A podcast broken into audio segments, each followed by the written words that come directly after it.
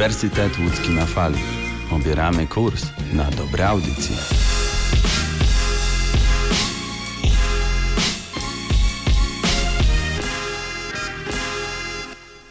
Cześć wszystkim. Z tej strony Martyna. Dzisiaj przeniesiemy się do alternatywnej rzeczywistości. W świat bajek i marzeń, w którym można się zrelaksować, zapomnieć o całym świecie i skupić całą swoją uwagę na delikatnych, zaczarowanych dźwiękach, a wprowadzi nas w niego muzyka jednego z najciekawszych zespołów lat 80. Cocteau Twins. Serdecznie zapraszam na kolejny odcinek Melomanii. Cocteau Twins to zespół zupełnie zapomniany i niedoceniany, przynajmniej poza swoją ojczyzną Wielką Brytanią. Nawet w anglojęzycznych opracowaniach, których przejrzałam całe mnóstwo przygotowując się do tego odcinka, istnieje deficyt treści związanych z Cocteau Twins. Wzmianki o nich dotyczą głównie innych artystów, którzy na przykład starają się do nich upodobnić. Dlaczego tak jest? No cóż, muzyka szkockiego zespołu nie należy do najłatwiejszych w odbiorze. Wielokrotnie spotkałam się z opinią, że jest kompletnie pozbawiona sensu. I właściwie coś w tym jest. Ja jednak jestem zdania i postaram się to odpowiednio uargumentować, że sens w sztuce, a muzyka niewątpliwie jest sztuką, nie zawsze jest potrzebny. Wiem, że wszystko, co teraz powiedziałam, zabrzmiało jak antyreklama, ale pod żadnym pozorem się nie zniechęcajcie. Tak jak nie każdy wielki przebój jest dobry, niestety, tak samo działa to w drugą stronę. Przy odrobinie wysiłku można odnaleźć prawdziwe perełki artystów nieznanych i jednocześnie genialnych. I właśnie do tej drugiej grupy należą Cocteau Twins. Wydaje mi się, że ten mały, znikomy rozgłos tylko dodaje tajemniczości ich już i tak tajemniczej muzyce. Mocną stroną zespołu jest jego wokalistka Elizabeth Fraser, obdarzona niepowtarzalnym głosem, wprost niemożliwym do naśladowania. Choć, jak już wspomniałam, teksty Cocteau Twins często nie wyrażają właściwie nic konkretnego, bywają zlepkiem po prostu ładnie razem brzmiących słów lub luźnych refleksji, to zaśpiewane przez nią nagle ten sens zyskują. Anielski śpiew Fraser przywodzi na myśl niemalże jakieś boskie zjawisko i wzbudza całą masę emocji, łącznie z dreszczem na karku. Formacja jest czołowym przedstawicielem nurtów równie zapomnianych jak ona sama, przede wszystkim Ethereal Wave. To jeden z podgatunków Dark Wave utożsamianego z muzyką gotycką. Ethereal Wave to muzyka bardzo spokojna, oniryczna, wręcz mistyczna. W wydaniu Cocteau Twins nawet bajkowa, jak wkrótce się przekonacie. Dla uproszczenia, takiego sporego uproszczenia, można nazwać ją gotyckim ambientem. Ethereal Wave był szczególnie popularny w połowie lat 80., podobnie jak sami Cocteau Twins. Ich brzmienie opiera się również na dream popie, czyli czymś pomiędzy post-punkiem a melodyjnym popem. Tutaj ta rozbieżność między nimi, jak na pewno się domyślacie, jest bardzo duża i obejmuje naprawdę szeroki wachlarz stylów. A z tego nietypowego połączenia wychodzi dźwięk bardzo subtelny, łagodny i świeży, któremu często towarzyszą introspektywne, metaforyczne teksty nawiązujące do tematyki natury lub fantazy oraz pastelowa kolorystyka oprawy wizualnej. Cocteau Twins czerpali największe inspiracje z twórczości Joy Division, Kate Bush, The Birthday Party, w którym swoje pierwsze kroki w branży stawiał Nick Cave, oraz Siouxsie and the Banshees. Wielu młodszych artystów próbuje naśladować Cocteau Twins, najczęściej z średnim lub fatalnym skutkiem, ale nie sposób nie zauważyć, że obecnie w muzyce elektronicznej i ambientowej istnieje ogromne zainteresowanie nurtem Ethereal Wave i podobnymi do niego chociażby Vaporwave. Wśród tych, którzy przyznają się do inspiracji naszymi dzisiejszymi bohaterami, znaleźli się m.in. The Weeknd. Jego dyskografia stanowi prawdziwą kopalnię nawiązań i sampli z piosenek z lat 80. Ponadto Radiohead, Massive Attack, Björk, Reggie Watts, Deftones, The Sundays, Goldfrapp, Sigur Rós czy M83. Na twórczość Cocteau Twins najlepiej jest patrzeć z szerokiej perspektywy, dlatego też w tym odcinku Melomanii kolejna następną składankę największych przebojów. Tym razem będzie to krążek zatytułowany The Pink Opaque i wydany 13 stycznia 1986 roku. Najpierw jednak zapraszam Was w podróż do początków Cocteau Twins. A początki te sięgają późnych lat 70. i miasteczka Grangemus w Szkocji – w 1979 roku szkolni koledzy Robin Guthrie i Will Heggie postanawiają założyć zespół. Robin gra na gitarze i klawiszach, potrafi też obsłużyć tajemnicze sprzęty pokroju syntezatora czy automatów perkusyjnych. Will natomiast gra na basie. Obaj mają już jakieś muzyczne doświadczenie, bo należeli wcześniej do innych amatorskich zespołów. Wszystkiego jednak uczyli się sami i nie ukończyli żadnych muzycznych szkół. Kariera muzyczna była ich pomysłem na życie tak naprawdę w wyniku braku innych pomysłów i perspektyw w niewielkiej rodzinnej miejscowości. W 1981 roku Robin i Will w lokalnej dyskotece o imponującej, zwłaszcza jak na tak małe miasteczko nazwie The Hotel International, w której to Robin jest wówczas DJ-em, poznają o dwa lata młodszą Elizabeth Fraser. Dziewczyna pasjonuje się muzyką, jest wielką fanką Siouxsie and the Banshees, gotyckiego punk rockowego zespołu. Ma nawet wytatuowanych kilka portretów Susan Bellion, czyli artystki znanej właśnie jako Siouxsie Sioux. Do tego okazuje się, że Elizabeth przepięknie śpiewa. Jej delikatny, niezwykle wysoki głos nie przypomina niczego, co jej nowi koledzy dotychczas w swoim życiu słyszeli. Dlatego ci chętnie przyjmują ją do swojego zespołu w roli wokalistki. Co więcej, Robin i Elizabeth szybko zakochują się w sobie, a ich związek trwa przez kilkanaście kolejnych lat. Poza artystami, o których już wspomniałam, wszyscy troje słuchają również zespołu Johnny and the Self Abusers, który wkrótce przemianuje się na Simple Minds i pod taką nazwą jest doskonale znany wszystkim melomanom, a już na pewno fanom muzyki z lat 80., przede wszystkim za sprawą swojego przeboju Don't You Forget About Me z 85 roku, nagranego do kultowego filmu Klub Winowajców. Ale dlaczego o nich mówię? Otóż jeszcze pod starą nazwą Simple Minds stworzyli piosenkę The Cocteau Twins. Muzycznie to dość obskurny, mroczny, pabrokowo-pankowy utwór, zaś tytułowe bliźnięta Cocteau stanowią nawiązanie do postaci protagonistów z powieści Straszne dzieci Żana Cocteau. I stąd też pochodzi nazwa naszych dzisiejszych bohaterów.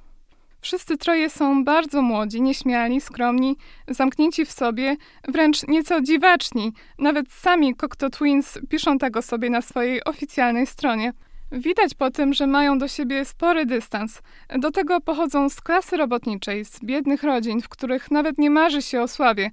Jednym słowem, tacy outsiderzy, przeciwieństwo większości gwiazd branży muzycznej. Nic więc dziwnego, że nikt nie wróżył im sukcesu. Nikt się nie spodziewał, że mają coś ciekawego do zaproponowania. Przeciwnego zdania był John Peel, jeden z prawdopodobnie najsłynniejszych dziennikarzy muzycznych w historii Wielkiej Brytanii. Człowiek, który przez wiele lat decydował o tym, czego się słuchało na wyspach. Legenda zarówno radia BBC, jak i telewizji. Współprowadził m.in. ikoniczny program Top of the Pops. W 1982 roku John Peel zaprosił Cocteau Twins na swoją antenę. Efektem tego wydarzenia było ich pierwsze upublicznione nagranie Walks and Wayne.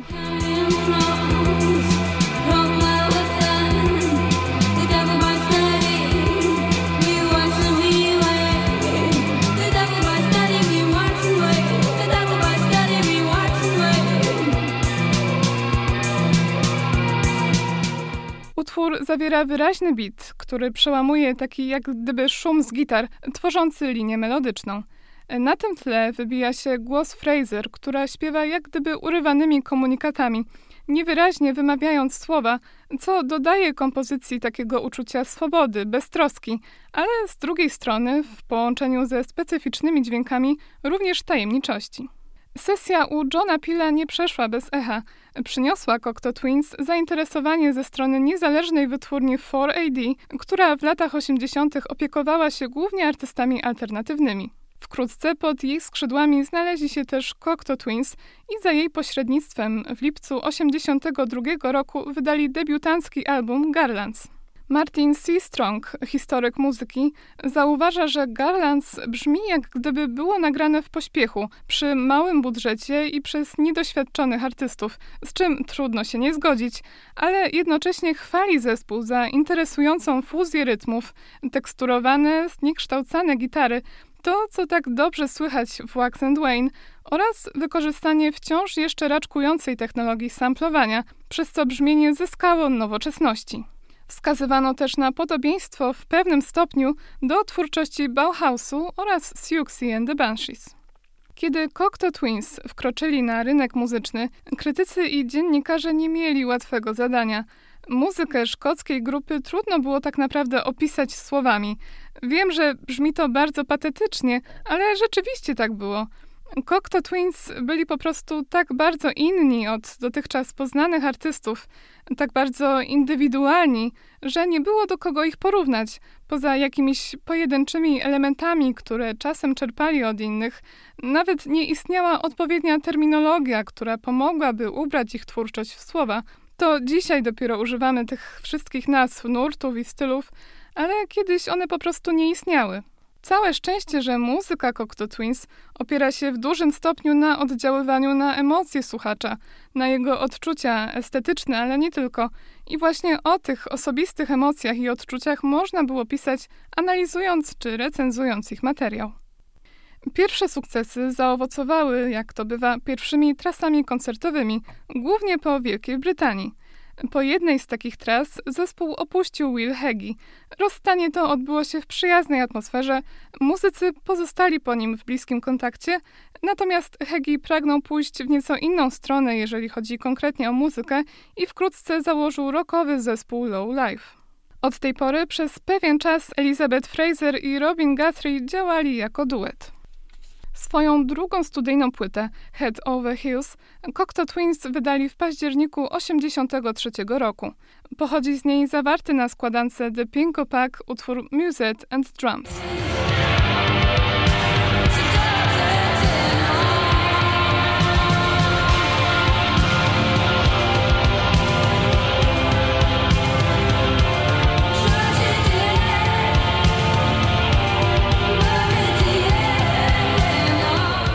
Wraz z odejściem Willa Hegiego wykształcił się charakterystyczny styl Cocteau Twins, który pozostanie z nimi na lata, oparty na harmonii duetu Fraser-Guthrie i doskonale słyszalny właśnie w tym kawałku. Przejawia się delikatnością, bajkowością, jaką wprowadza wokalistka swoim anielskim głosem, służącym tutaj za instrument, w którym brzmienie zdecydowanie góruje nad wypowiadanymi słowami, ich poprawną wymową czy sensem. To skontrastowano z eksperymentalnym, nieco ciężkim podkładem tworzonym przez Robina Guthrie'ego i jego warstwowe, zamaszyste gitary. Wszystko to stanowi dosłownie definicję stylu Ethereal Wave. Ponadto Music and Drums ukazuje zmiany w tekstach Cocteau Twins, które właśnie wtedy zaczęły stopniowo tracić sens – Zamiast opowiadać historię lub po prostu składać się z konwencjonalnego słownictwa, od tej pory stanowiły przeważnie zlepek enigmatycznych, nieokreślonych dźwięków, które, zaśpiewane w taki sposób, w jaki śpiewa Fraser, jednocześnie wzbudzają silne emocje. Podobnie jak cały krążek Head Over Heels, Music and Drums posiada też cechy dream popu i shoegaze. Między październikiem 82 roku a listopadem 83 Cocteau Twins wydali trzy epki zawierające po kilka niealbumowych utworów. Jedynie ostatnia z nich, Sunburst and Snowblind, ma swoją reprezentację na składance The Pink Opak i to w postaci aż dwóch piosenek. Moim skromnym zdaniem szczególnie warto pochylić się nad utworem From the Flagstones.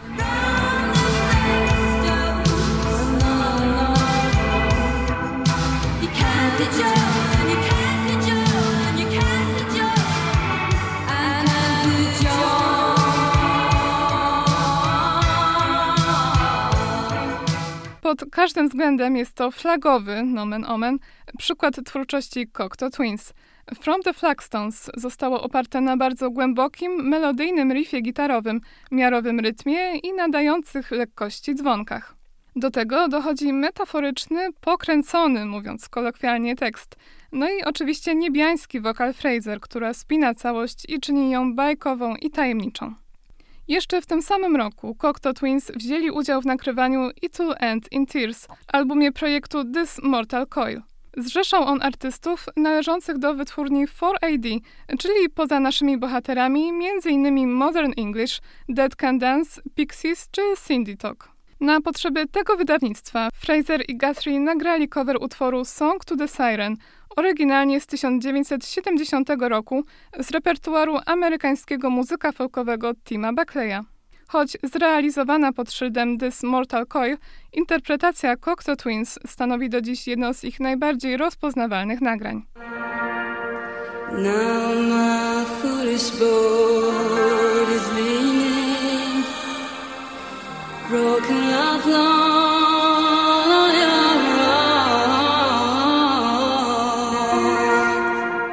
Ogromnie różni się od oryginału. Pierwotnie folkowa, gitarowa, nieco country. Song to the Siren w wersji naszych bohaterów zyskała delikatniejsze, bardziej mistyczne oblicze, ze sporą rolą minimalistycznej, choć elektronicznej aranżacji.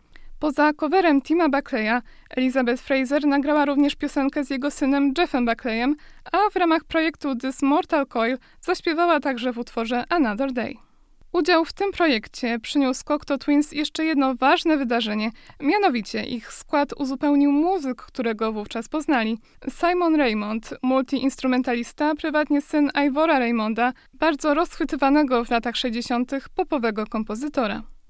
1984 rok wiąże się z kolejnym pobocznym projektem, w który zaangażowali się Cocteau Twins. Tym razem była to kaseta Department of Enjoyment, przygotowana przez dziennikarzy New Musical Express, jedna z ponad 30, które w latach 80. mogli kupować czytelnicy tego kultowego magazynu. Ich celem było promowanie młodych talentów poprzez mieszanie ich piosenek z dziełami uznanych artystów. Cocteau Twins nagrali z tej okazji utwór Mili Millionary.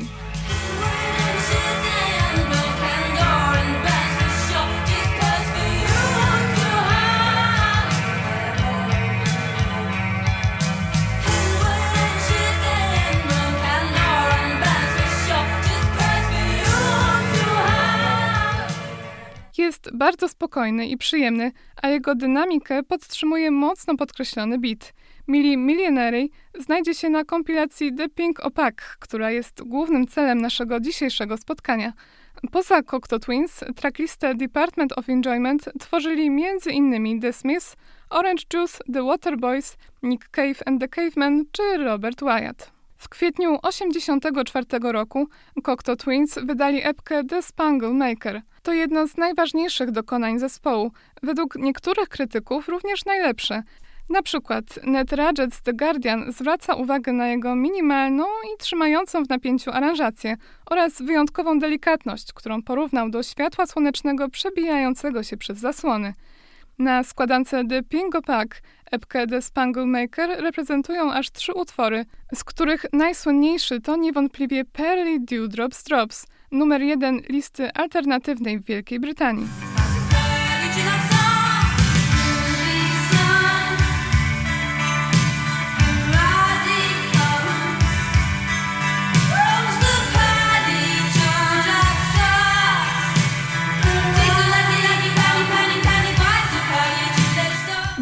Jak hymn, z tym, że bardzo ciepły i subtelny.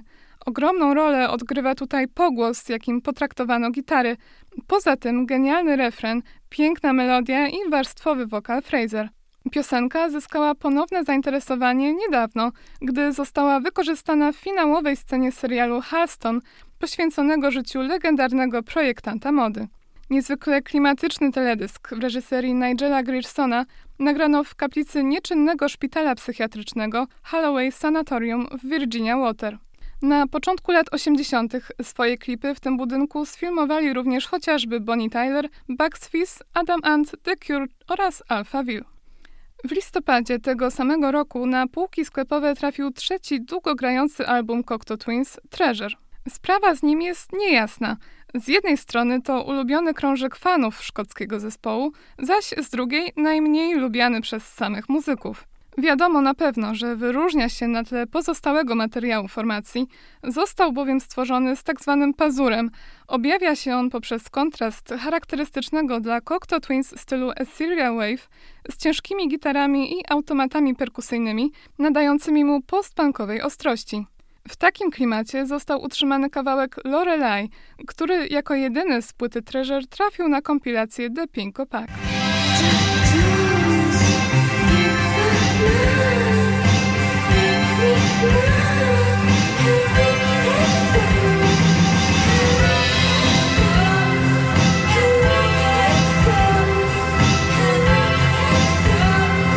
Jak na Cocteau Twins jest on dość rytmiczny, a ostrość syntetycznego podkładu genialnie kontrastuje tu ze spokojną melodią w stylu lo-fi oraz subtelnością wokalu Fraser.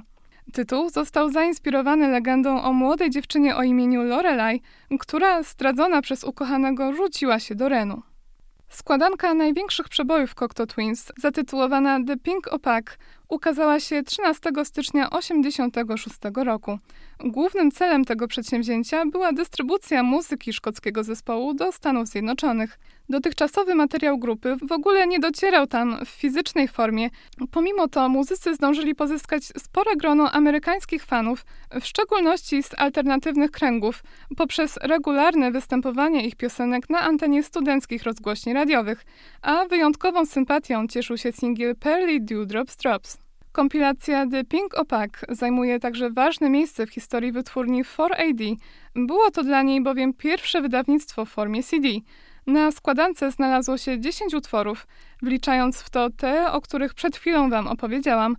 Poza nimi na uwagę zasługuje też IKEA Guinea z epki o tym samym tytule, wypuszczonej w marcu 1985 roku.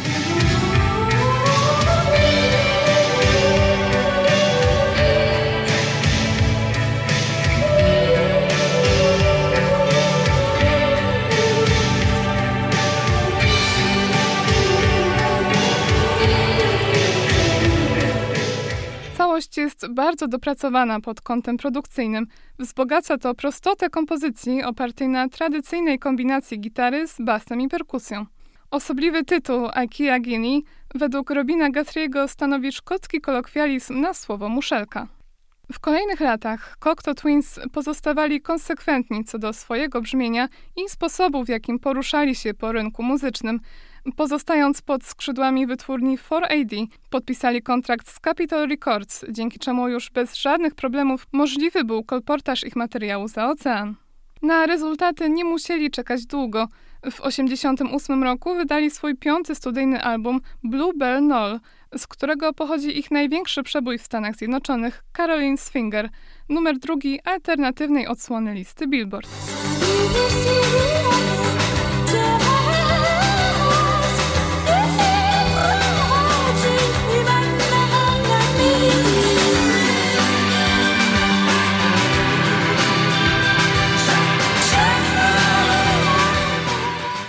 Cocteau Twins przez kilka następnych lat nagrywali regularnie. Wypuścili m.in. świetny album Heaven or Las Vegas.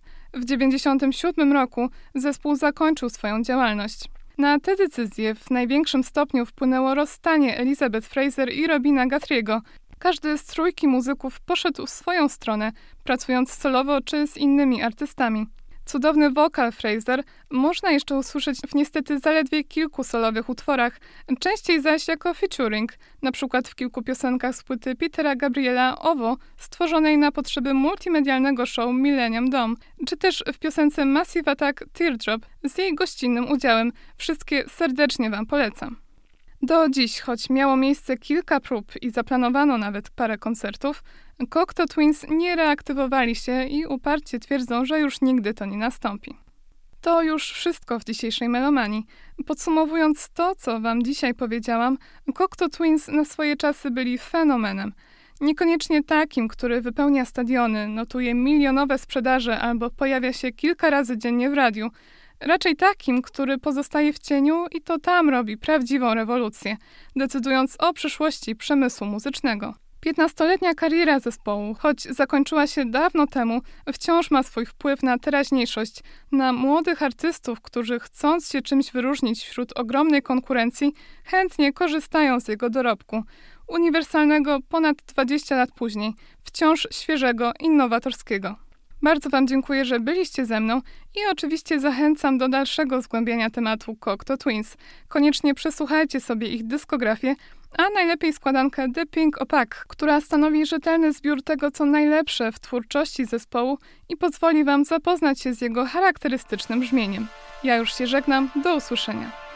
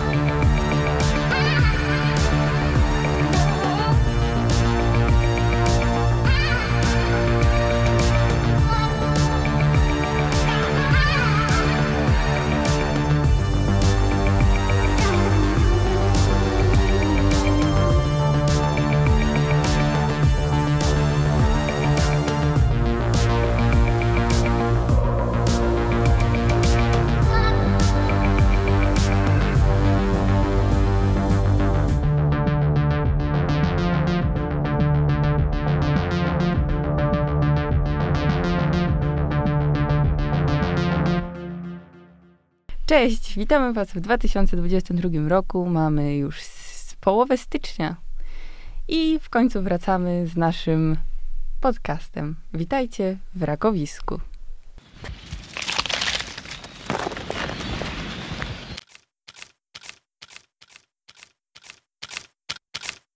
Rakowisko, rakowisko, rakowisko, rakowisko, rakowisko, rakowisko. A witają Was Jakub Rakowski. i Katarzyna Michalak. I dzisiaj zajmujemy się, czym się zajmujemy. Mamy styczeń, jeszcze styczeń, początek roku, więc zajmiemy się na początek podsumowaniem roku muzycznego, roku 2021 i najnowszym albumem, który wyszedł w pierwszy tydzień stycznia. Siódmego to chyba było stycznia? Siódmego. E, piątek. Pierwszy Tak, piątek dokładnie. e, roku. The Weekend Dawn FM. Zaczynając od podsumowania, chcesz zacząć od najlepszych czy najgorszych? A może w ogóle zaczniemy inaczej. Zacznijmy od jakichś wartych uwagi, którzy nie znaleźli się w naszym rankingu. Ty mniej więcej wiesz, o czym Mhm. nie mówić, co ja mam w topce, pewnie Mhm. się spodziewasz. Ja do końca nie wiem, co będzie w twojej topce najgorszych, bo nie wiem, co według ciebie, jakie album musi spełniać kryteria, żeby być według ciebie najgorszym w roku. Mm, tak, to jest ciekawa kwestia i chciałabym ją poruszyć e, później może, ale skoro już przeszedłeś do tego, no to oczywiście mogłabym powiedzieć o Jank Leosi, że nie umie śpiewać. Mogłabym powiedzieć, mogłabym, ale nie powiem. Nie I trzeba mogłabym tak śpiewać. samo powiedzieć o Coldplayu, że ich nowy album jest już nudny i mogłabym tak samo powiedzieć o Edzie Sheeranie. Mogłabym, ale nie powiem, więc w moim y, zestawieniu y, 2021 roku nie znajdziemy y, złych utworów, y, złych albumów raczej.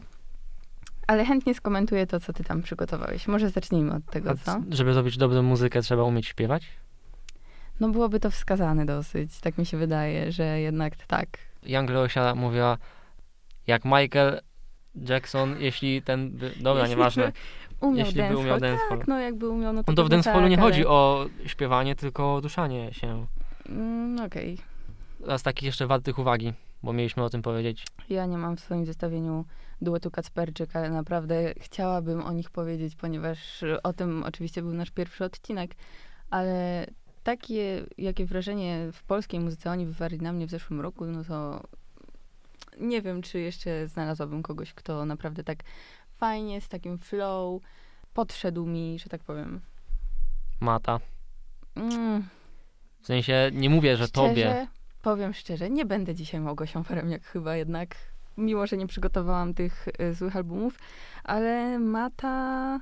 Chodzi mi o to, że to było ciekawe, żeby obserwować, jak wszyscy ludzie nadają temu albumowi jakiś większy sens, A, podczas kiedy tak. on robi piosenkę tak naprawdę o niczym, i niczym, później dokładnie. sami cisną bekę Mata z już tego, się że znudził, powiem szczerze. Niestety, pewnie się narażam teraz, no ale tak, tak jest, no co ja poradzę. Czekam na coś nowego.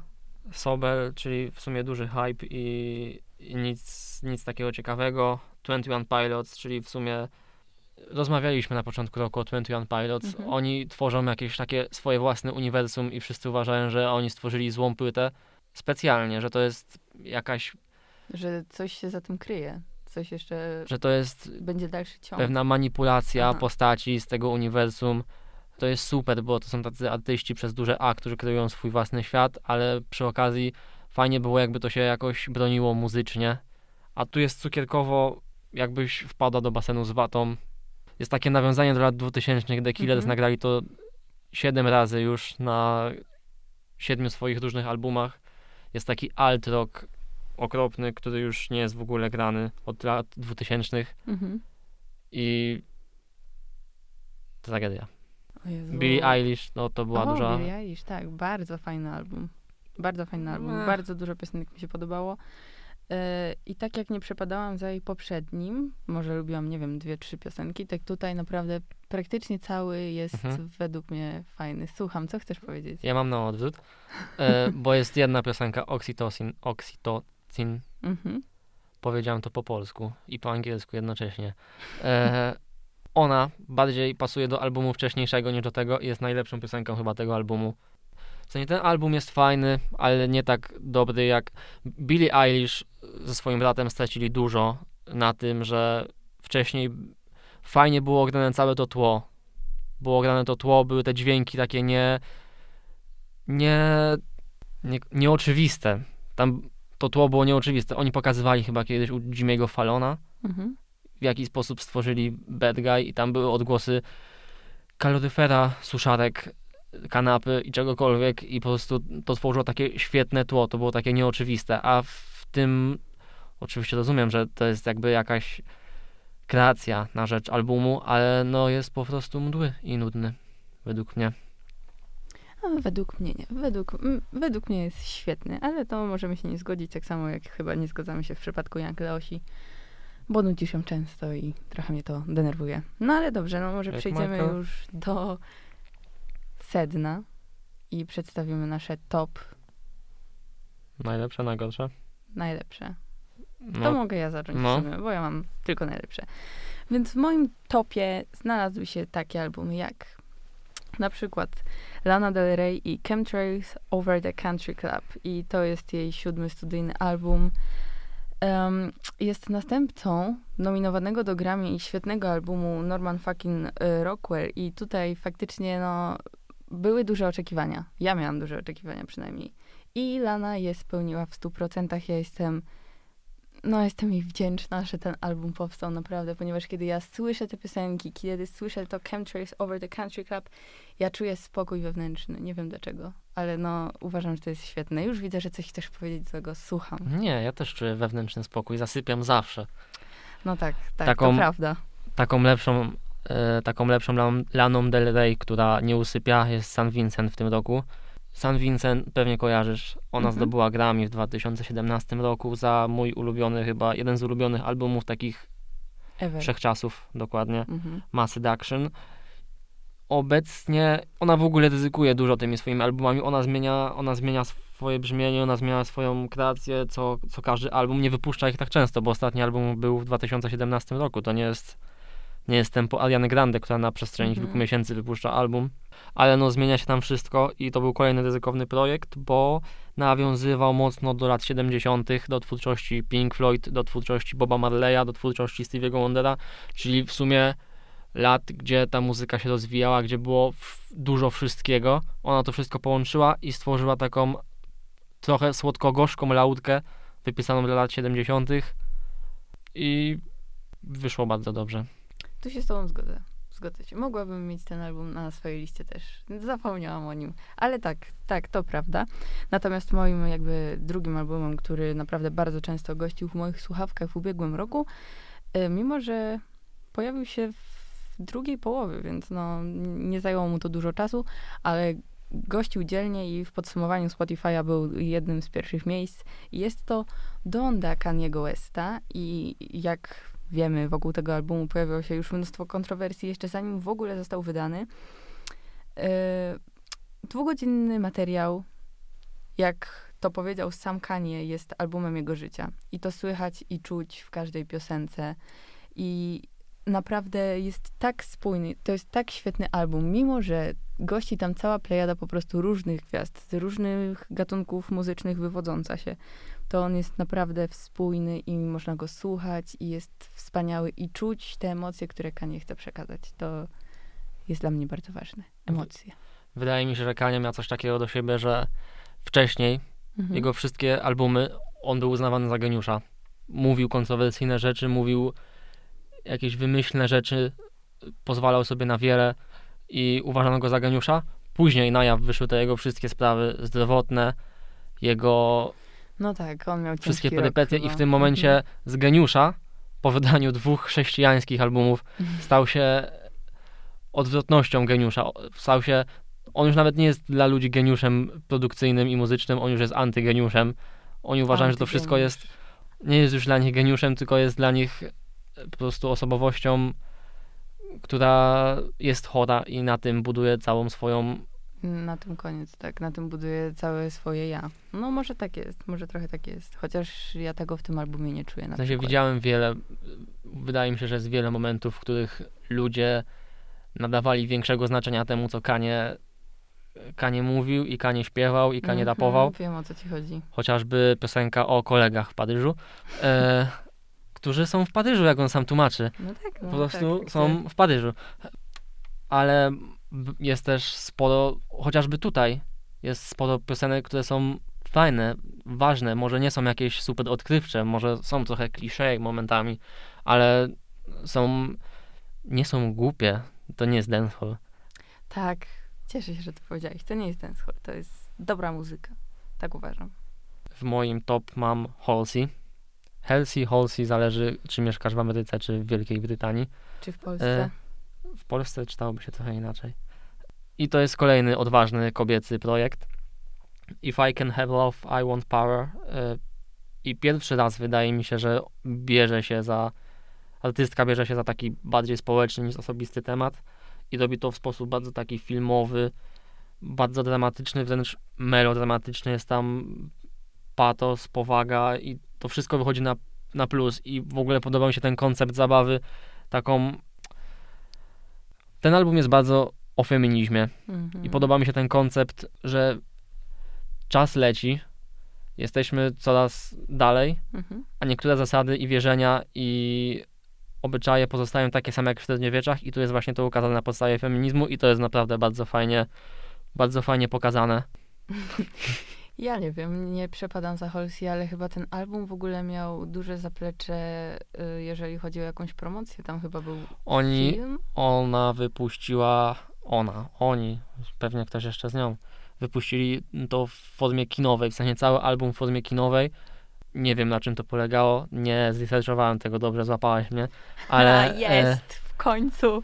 ale, Ach, dobrze, no. ale było coś takiego. Poszedłbym na to. Patrzyłem, czy coś takiego jest w Polsce. Niestety nie ma. Myślałem nad tym, żeby kupić sobie bilet na weekend do Stanów, ale niestety okazało się, że są za drogie i zrezygnowałem. Granice chyba w ogóle były zamknięte jeszcze wtedy, Dlatego nie poje- dlatego nie tak, poleciałem. dlatego. No dobrze. No i cóż, dalej, przechodząc do mojego ostatniego ulubionego albumu tego roku. Nie, nie powiem o nim dużo, bo kiedy powiedziałam Kubie, że chcę powiedzieć o tym albumie, Kuba spojrzał na mnie i powiedział "E, cringe, więc no niestety. Zmieniam zdanie. Tak? Bo, bo mi się. Bo o czym ty chcesz powiedzieć? Ja wiem, czemu zmieniasz zdanie. Ogólnie mówimy tutaj o Niku Cave'ie i y, albumie Carnage i ja wiem, czemu Kuba zmienił zdanie. Jest Byłem- taki jeden, pewien Nie. pan w internecie, który nazywa się Antony Fantano i Kuba, jakby to powiedzieć, no polegasz trochę na jego recenzjach, nie, nie oszukujmy się. Troszeczkę, troszeczkę jest tam, nie? Nie uważasz tak? Zacytuj mi, w którym Dobrze, ja tak uważam. Ale opowiem tą historię, bo ona jest bardzo ciekawa. Powiedziałam Kubie, że chcę y, opowiedzieć o tym albumie. Kuba powiedział, że to generalnie cringe i żebym tego nie robiła, bo w 2021 roku już nie, mówi się, nie mówi się cringe, tylko teraz się mówi, że mrozi. Jezu, dobra, przestań, bo mnie tutaj... Nie, Mrozi. przestań. Y, W każdym razie Kuba powiedział, że w 2021 roku już się nie słucha Nika Cave'a, że w ogóle o czym ty chcesz mówić? Nie powiedziałem. Po tak. czym sprawdziliśmy to na YouTubie. Kuba wpisał y, w przeglądarce y, Antony Fantano, jaką ocenę dał właśnie temu albumowi. I jaką dał? Dał mocne 8. To jest przecież mina Kuby w tamtym momencie. No, to była wygrana po prostu mojego życia chyba do tej pory. Naprawdę. Bo ja myślałem, ja myślałem, że chodzi o zespół Nika Cave'a, a Mhm, nie o Nika mhm. Cave'a. Dobra, okej, nieważne. Nie tłumacz się. To jest wszystko, co masz o tym albumie. satysfakcję w tamtym momencie, bardzo dużą. To jest wszystko, co masz o tym albumie? Nie, uważam, że jest świetny.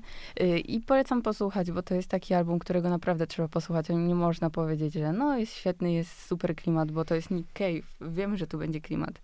Ale trzeba w ten klimat wejść, posłuchać tych skrzypiec, syntezatorów i to naprawdę polecam to zrobić przy zgaszonym świetle wieczorem i się tak wsłuchać. I to naprawdę będzie świetne przeżycie. Silk Sonic. E, Silk Sonic. dalej. Funk i soul to nigdy nie były jakieś rzeczy, które ja, za którymi ja przepadałem. Zwłaszcza jeszcze ten funk i soul są tworzone przez osoby, które są bardziej związane chyba z R&B i z taką muzyką popularną, aniżeli z tymi gatunkami. A okazało się, że Bruno Mars i Anderson Paak są duetem, którego potrzebowaliśmy, a o którym nie wiedzieliśmy, bo razem tworzą świetne połączenie. Świetne połączenie i album buja, jak dancehall, prawie. Buja. I w sumie i Mhm. oni mają, mają coś takiego, że zrobili krótszy projekt, świadomie, i mają coś takiego, postawili na jakość, a nie ilość, a wielu artystów obecnie stawia bardziej na ilość niż na jakość. I w sumie to jest wielkie szczęście, że mają takie wyczucie, bo niestety niektórzy go nie mają i myślę, że tylko przez to właśnie, że on jest taki krótki, wykorzystuje swój potencjał całkowicie.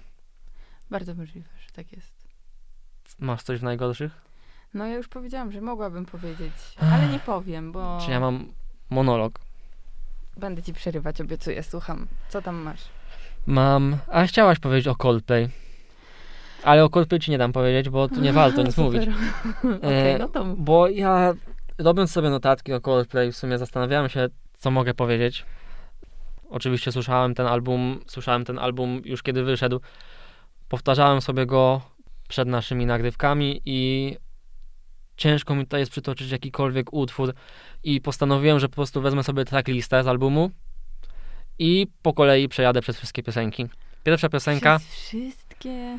Pierwsza O piosenka to no. jest emotikon planety, w sensie dosłownie, to jest emotikon planety, w sensie ziemia, emi- emotikon ziemi. No i super pomysłowo.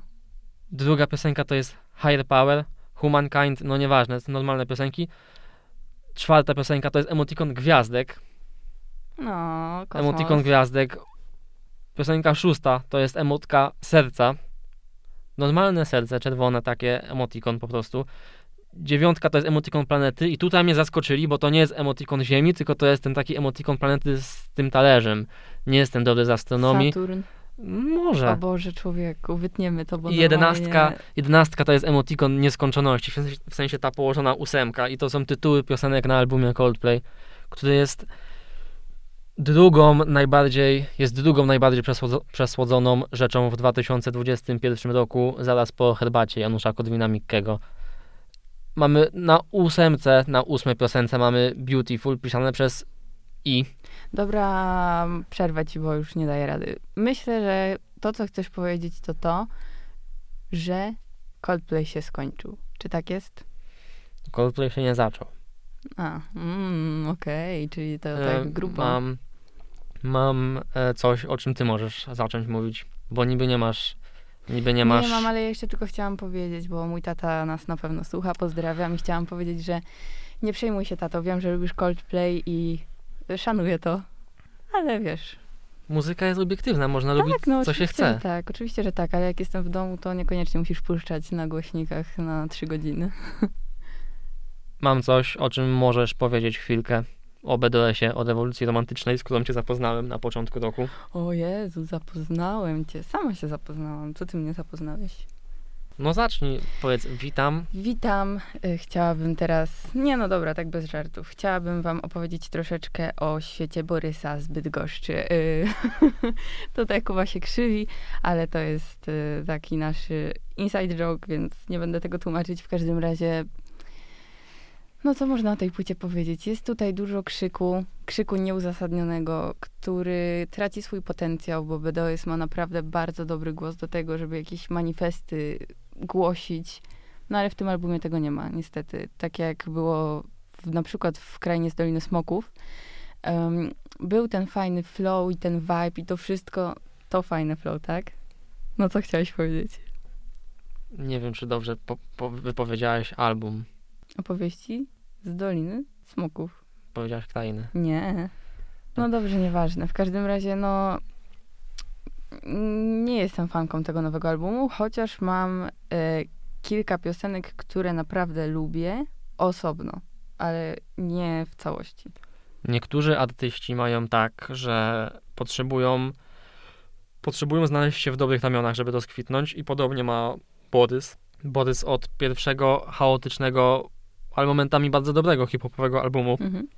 i swoich epek z Kubim producentem. Pierwszy album chyba w, to już chyba było w SBM label. E, Pierwszy projekt to był Kwiat Polskiej Młodzieży i on był bardzo chaotyczny, bardzo nierówny, ale bardzo fajny i dawał taką perspektywę tego, że z tego rapera, z tego chłopaka może coś być. Za jego następny album wziął się, wziął się Lanek, czyli jak sami oni mówią, człowiek z pierwiastkiem geniuszu. Opowieści z Doliny Smoków są bardzo dobrym hip-hopowym, hip-hopowym albumem. Mamy tam piosenkę po hiszpańsku, która nie jest piosenką po hiszpańsku. Mamy jakieś nawiązania do lat 90. w Polsce, jakąś muzykę rockową, pop-punkową.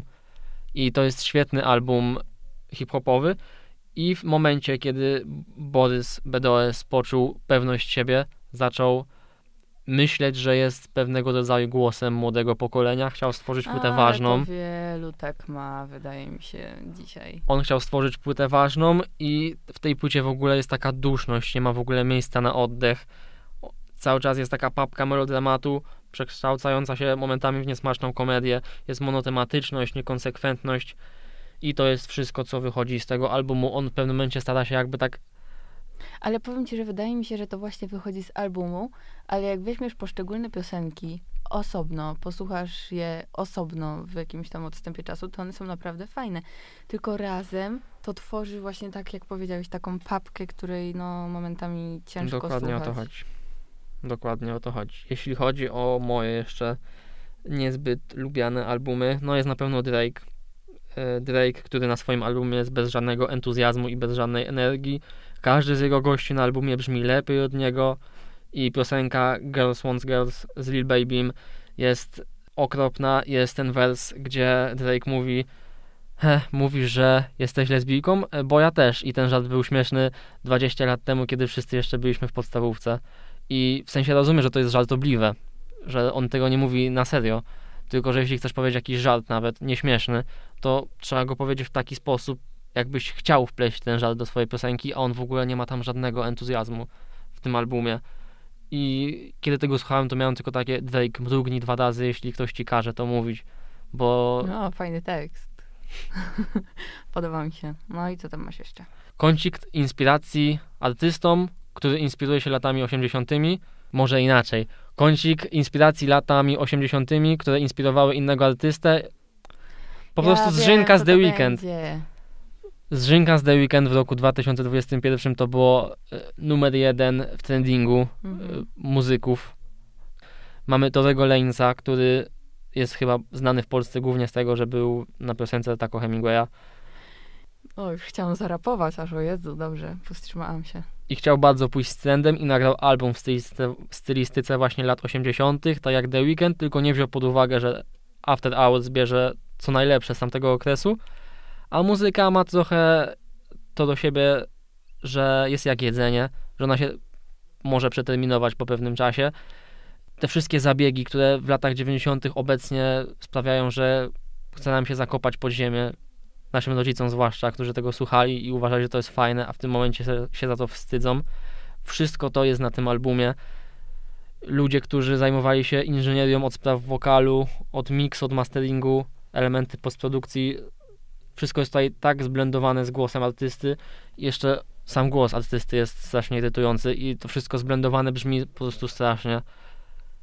I podobnie inspirował się The Weekndem Justin Bieber w swoim Justice, który mówi, że to będzie bardzo skomplikowany, kreatywny album, że po tych latach spędzonych w show biznesie on bardzo chce e, opowiedzieć o tym wszystkim. Było fajne Lonely, e, które mimo, że było krótkie, nakreślało Mhm. nam fajnie to wszystko. I wszystko wskazywało na to, że album będzie czymś ambitniejszym i potem Justin Bieber zaczął po kolei odsłaniać karty i pokazywać, że znowu inspiruje się latami 80., co w tym przypadku już nie było tak złe, ale nazwa albumu Justice wzięła się od przemówienia Martina Luthera Kinga, tego Mar- Martina Luthera Kinga, którego przemówienie Justin Bieber porównywał do Justice w swoim rozumieniu, w sensie do tej, tego Justice w branży muzycznej i uważam w ogóle, że to jest strasznie nie na miejscu, żeby porównywać przemówienie w stosunku do rasizmu i do przemocy, agresji w Stanach Zjednoczonych do swoich jakichś prywatnych problemów. Mhm. Najlepszy moment albumu to jest ten, kiedy się kończy i to dosłownie, bo dwie ostatnie piosenki to jest Lonely i Anyone, czyli dwie jedyne piosenki, które nie nawiązują jakkolwiek do tego Justice, o którym jest tytułowo. Tak jak zacząłeś tak mówić, to zauważyłam coś takiego, że te gwiazdy naszego dzieciństwa, powiedzmy, Justin Bieber czy Coldplay nawet w moim przypadku, yy, zaczynają się powoli kończyć i to jest takie dosyć smutne, bo mam wrażenie, że oni już nie mają pomysłów na to, co mogliby przygotować, żeby to naprawdę było fajne. I jest mi z tego powodu przykro, chociaż wiem, że teraz też się naraziłam pewnie wielu osobom przez to, że to powiedziałam. Przepraszam, w tym odcinku nie jestem Małgosią Feremniak. Co ty w poprzednim Poprawię albumie? się. Poprzedni album Justina Biebera był promowany przez singiel Yami. To jest bardzo, A, ambi- bardzo ambitna, bardzo ambitna obserwacja No, no na tak. temat obecnego stanu na świecie, dobra, nieważne. Możemy przejść już do najnowszych. Tak, bo może przejdźmy rzeczy. do meritum. The Weeknd, album The Weeknda i i ja tutaj mam też kilka zastrzeżeń tym razem, więc wiem, że tobie się ten album podoba. Jakby o tym rozmawialiśmy wcześniej, więc jakbyś mi mógł go przedstawić tak, żeby mi się podobał, bo ja po tym, jak go posłuchałam, ja naprawdę, ja wszędzie już chyba słyszę to samo. Tak mi się wydaje. Chociaż sam koncept albumu, to, że to jest audycja radiowa i tak dalej, i mamy tam nawet reklamy, no to okej, to jest fajne, ale jakoś te piosenki nie przemawiają do mnie. Nie uważam, że to jest jakiś super album, bo powiedziałeś o tym koncepcie, koncepcie radia. No, I ten koncept radia, on pojawia się tylko w tych interludach, które są no na początku, Super. w środku i na końcu. super. No fajnie, tylko fajnie jakby to też było pociągnięte trochę dalej. Aha. W sensie trochę mamy początek, intro z Jimem Carreyem w ogóle, to Tak, jest tak, plus, tak. bo lubię Jima Carreya. I później mamy piosenki. Piosenki, piosenki, piosenki. Interlude, który pokazuje, że jesteśmy w radiu. Przypominać trochę o tym, Mm, bo no zdążyłeś tak, bo jest- zapomnieć. Tak, tak. Piosenki, piosenki, piosenki. I za, na zakończenie jest ten właśnie dystopijny taki głos Jima Carreya jako takiego prezentera radiowego. I wszystko się kończy. Mhm. I w sensie fajny to byłby koncept, gdyby był zrealizowany jakby od początku, do, końca. Dokładnie. Jeszcze jakaś obserwacja ciekawa? Twoja? No czekam na coś, co mogłabym skrytykować tym razem w twojej wypowiedzi, więc After Hours było było właśnie tym, co brało z lat 80. garściami, ale przez duże sito odcedzało to, co jest złe mhm. i zostawiało to, a brało to, co najlepsze. Don FM bierze wszystko, dosłownie wszystko. Mamy ten efekt chociażby w pierwszej piosence, gdzie jest ten wypiczowany Właśnie, głos w mhm, dół mhm. strasznie. To jest strasznie charakterystyczne dla lat, dla lat 80. I jest to często zabieg, który jest krytykowany obecnie, a The Weeknd Able po, spróbował zrobić to tak, żeby brzmiało dobrze i to brzmi dobrze. To jest na pewno piosenka, która ma potencjał na bycie hitem. Ogólnie Don FM nie jest tak hitowym albumem, w sensie nie ma takiego potencjału hitowego, żeby być puszczanym w radiu jak After Hours, ale to jest bardziej album, to jest bardziej album, żeby doświadczyć tego albumu, a nie żeby słuchać tego albumu, jeśli wiesz o co mi chodzi. Mhm. To jest taki album, który masz doświadczyć, a niekoniecznie ma cię zabawiać przez cały dzień jak After Hours. No tak, To jest bardziej koncept al- albumu, który ma swoją wizję artystyczną i ma się tego trzymać. Mhm. Czy wiesz, co najbardziej lubię w albumach? Nie wiem. To jest mały quiz. Masz trzy strzały, O Boże, no bo muszę wiem. poprowadzić cię przez ten album. Masz trzy strzały, co najbardziej cenię w albumach. Trochę mnie znasz. Trzy strzały. Mhm. Yy, Kuba, nie wiem, no Boże, teraz mam pustkę, zestresowałeś mnie. Jest coś, co uwielbiam, uwielbiam w albumach i w tym albumie to jest każda piosenka, jedna po drugiej, każda wychodzi z następnej. W sensie są Mhm. bardzo fajne transition, te przejścia, które cały czas pchają album do przodu.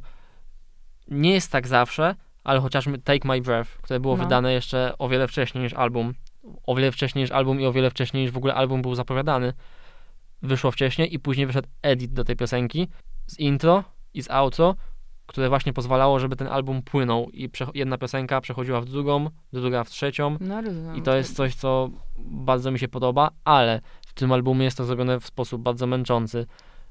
Momentami, kiedy próbowałem posłuchać tego albumu, nie tak typu siedząc na łóżku, patrząc na piosenki, na tekst Mhm. I analizując, tylko idąc do pracy, idąc do sklepu, sprzątając, piosenki przemijały i ja po 30 minutach zorientowałem się, że minęło 30 minut, a ja myślałem, że słucham jednej tej samej piosenki. się. Mhm. I jest to trochę minus i to właśnie też myślę jest powód, dlaczego ten album nie będzie tak, tak chwytliwy jak After Hours, bo tu nie ma Nie ma hitów pojedynczych. wow. Tu jest Mhm, jeden no tak. koncept, a raczej w radiu nie puścimy 45-minutowego albumu, który będzie grał i grał i nikt się tym nie znudzi.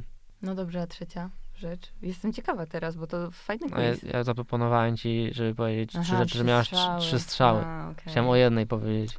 No dobra, ale to było fajne. To cię jeszcze zaskoczę w tym momencie, bo konstrukcyjnie ciężko znaleźć tutaj jakieś błędy. W sensie błędy na pewno są, nie ma rzeczy idealnych, ale piecze trzymał tutaj produkcyjnie Max Martin.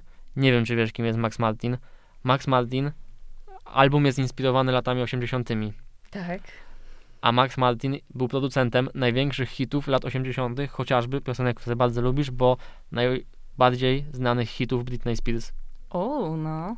I Max Martin był odpowiedzialny za ten album, więc w tym momencie no ciężko stworzyć zły album lat 80., jeśli tworzy go osoba, która tworzyła całą popkulturę lat 80., jeśli chodzi o Mhm, muzykę. mhm.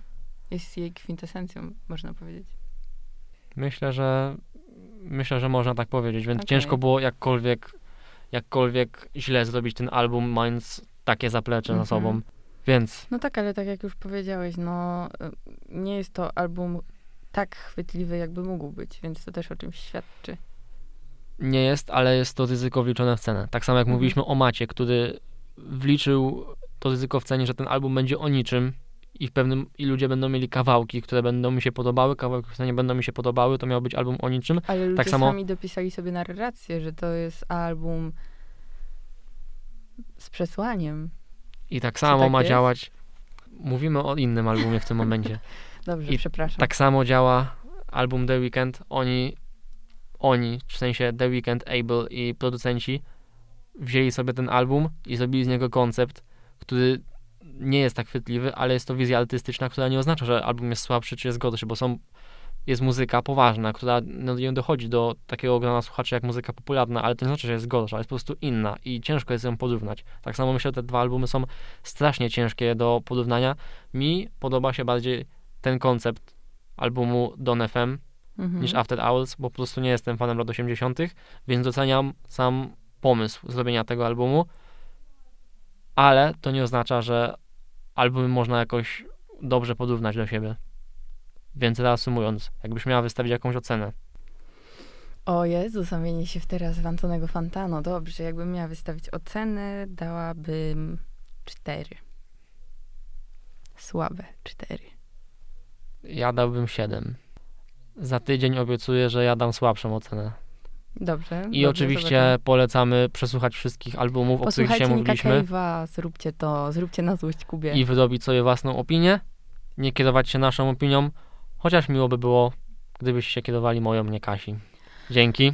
Dziękujemy bardzo, to było Rakowisko.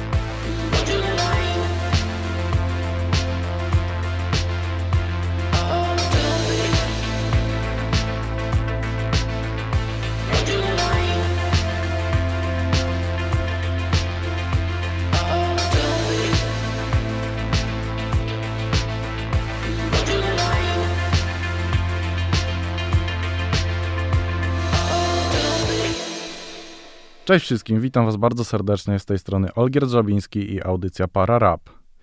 Dzisiaj sobie porozmawiamy a propos freestylu. Co to jest freestyle, jak freestylują ludzie, kogo mamy znanego w Polsce i jakie mamy w sumie najciekawsze aspekty w całej tej dziedzinie. To zacznijmy w takim razie mo- może od tego, co to jest freestyle. Jedni ludzie mogą powiedzieć, że jest to jakaś, jakiegoś rodzaju sztuka, inni ludzie powiedzą, że to po prostu rzucanie wyzwiskami na prawo i lewo. Jeszcze kolejni powiedzą, że jest to po prostu nawijanie, mówienie słów w rytm jakiejś piosenki pod tak zwany beat. No, ja szczerze powiedziawszy, powiedziałbym, że jest to coś pośrodku, bo mamy różne formy freestylu. Mamy bitwy freestyle'owe i mamy taki freestyle po prostu. E, Jeśli chodzi o bitwy freestyle'owe, to tak, zdecydowanie jest to rzucanie wyzwiskami na prawo i lewo, ale nie można też powiedzieć, że w samym tym wyzywaniu, czy, czy już w tym freestylu takim zwykłym, nie ma pewnego elementu sztuki, bo jednak no, nie jest prosto ułożyć sobie w głowie te wersy w te kilka sekund, bo nie oszukujmy się, freestylowanie to jest po prostu nawijanie tego, co wymyśliło się dosłownie sekundy temu. I jak wspomniałem, to nie zawsze musi być forma walki, bo czasem są po prostu zwykłe akcje, kiedy zwykły człowiek, czy mógłbym to być nawet ja, że idę sobie po ulicy i, i po prostu mam ochotę, to sobie zaczynam freestylować. Przykładem takiego e, zastosowania freestylu, gdzie możemy spotkać, no to dzisiaj bardzo popularny TikTok i mamy tam do czynienia z Edziem.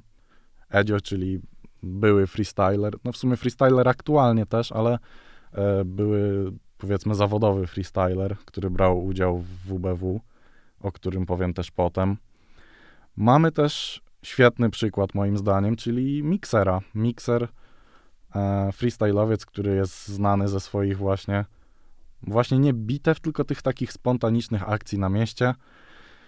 I możemy po prostu posłuchać, jak dosłownie rapuje o tym, co widzi. Po prostu idzie obok niego człowiek i on sobie mówi, że on nosi ciężki plecak i musi mieć silne barki i do tego rymuje i po prostu bawi się. Zresztą co będę dużo opowiadał, po prostu posłuchajmy może miksera. Nie kalkuluję, Arsen Wenger Wiesz co jest grane, dobra myślę tutaj o tym No bo kiedy gramy rap to dla mnie ziomek stały motyw. No co ty wolny jak motyl? Mogę lecieć tutaj przecież No bo kiedy gramy wiemy, że to flow człowieku gniecie. Na tym to polega, niby gram na wolno człowiek Zobacz, że jestem typem, który rzeźbi swoje życie słowem. Mam otwartą głowę, dobra gram na wolno idź z tym Bo dobrze wiem, że rap Więc jest to pewnego rodzaju sztuka, bo tak jak powiedziałem, dobry freestylowiec zaczyna rapować, kiedy tylko usłyszy beat. Słyszy muzykę i już w głowie układa sobie wersy. Freestyle to jest rymowanie, więc mamy tutaj do czynienia po prostu z no, niesamowitym, moim zdaniem, kunsztem, niesamowitymi umiejętnościami. W ogóle no, w chwilę wymyślasz wersy i po prostu nawijasz. Nie myślisz o tym, tylko po prostu składasz, żeby się rymowało i lecisz. I to jest bardzo ciekawe, bo no naprawdę wiele osób ma problem po prostu mówiąc, nawet czy to normalnie rozmawiając, czasem ma problem wymyślić, co chce powiedzieć, czy jak ma prezentację na zajęciach. Też dużo osób się nie przygotowuje i wtedy właśnie pojawia się też pewnego rodzaju freestyle, czyli po prostu spontaniczne opowiadanie na temat y, podany w prezentacji. Może teraz przejdę do tego, jak działa freestyle. Może zacznijmy, zaczniemy sobie tak trochę teoretycznie. Jak zrozumieć to, jak rozumieć to, że ktoś ma dobrą technikę? Bo czym jest w ogóle technika w tym freestylu? Technika to jest coś, co wyróżnia tych zwykłych, przeciętnych, można też powiedzieć w sumie tych słabych freestylowców, tych ludzi, którzy na przykład podczas imprezy napiją się za dużo i zaczynają rymować, od dobrych freestylowców i tych dobrych freestylowców odróżnia od tych najlepszych freestylowców. Co się składa na tę technikę? No ja wyróżniłem parę rzeczy. Ja bym powiedział, że przede wszystkim takie dwie najważniejsze rzeczy dla mnie to jest flow i to są punche. Ale ważna też jest ilość przerywników, e, umiejętność jakby szybkiej reakcji na to, co mówi przeciwnik, trzymanie się tematu No i jest też jeszcze kilka innych takich rzeczy, o których się w sumie nie opłaca wspominać, bo te najistotniejsze już wymieniłem, więc się na nich skupię. W takim razie, czym, w tak, czym jest flow? Flow to moim zdaniem umiejętność dopasowania się do bitu.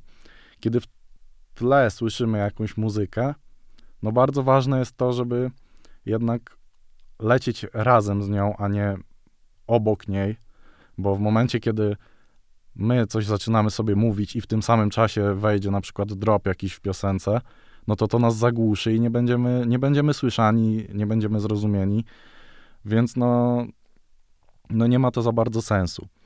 Mamy też wejścia tak zwane offbeat, czyli właśnie to jest trochę zaprzeczenie tego, co powiedziałem przed chwilą, ale właśnie wejście offbeat, czyli wejście poza bitem, obok bitu, no to jest coś, co wymaga naprawdę, to już jest w ogóle wyższy, wyższy poziom techniki.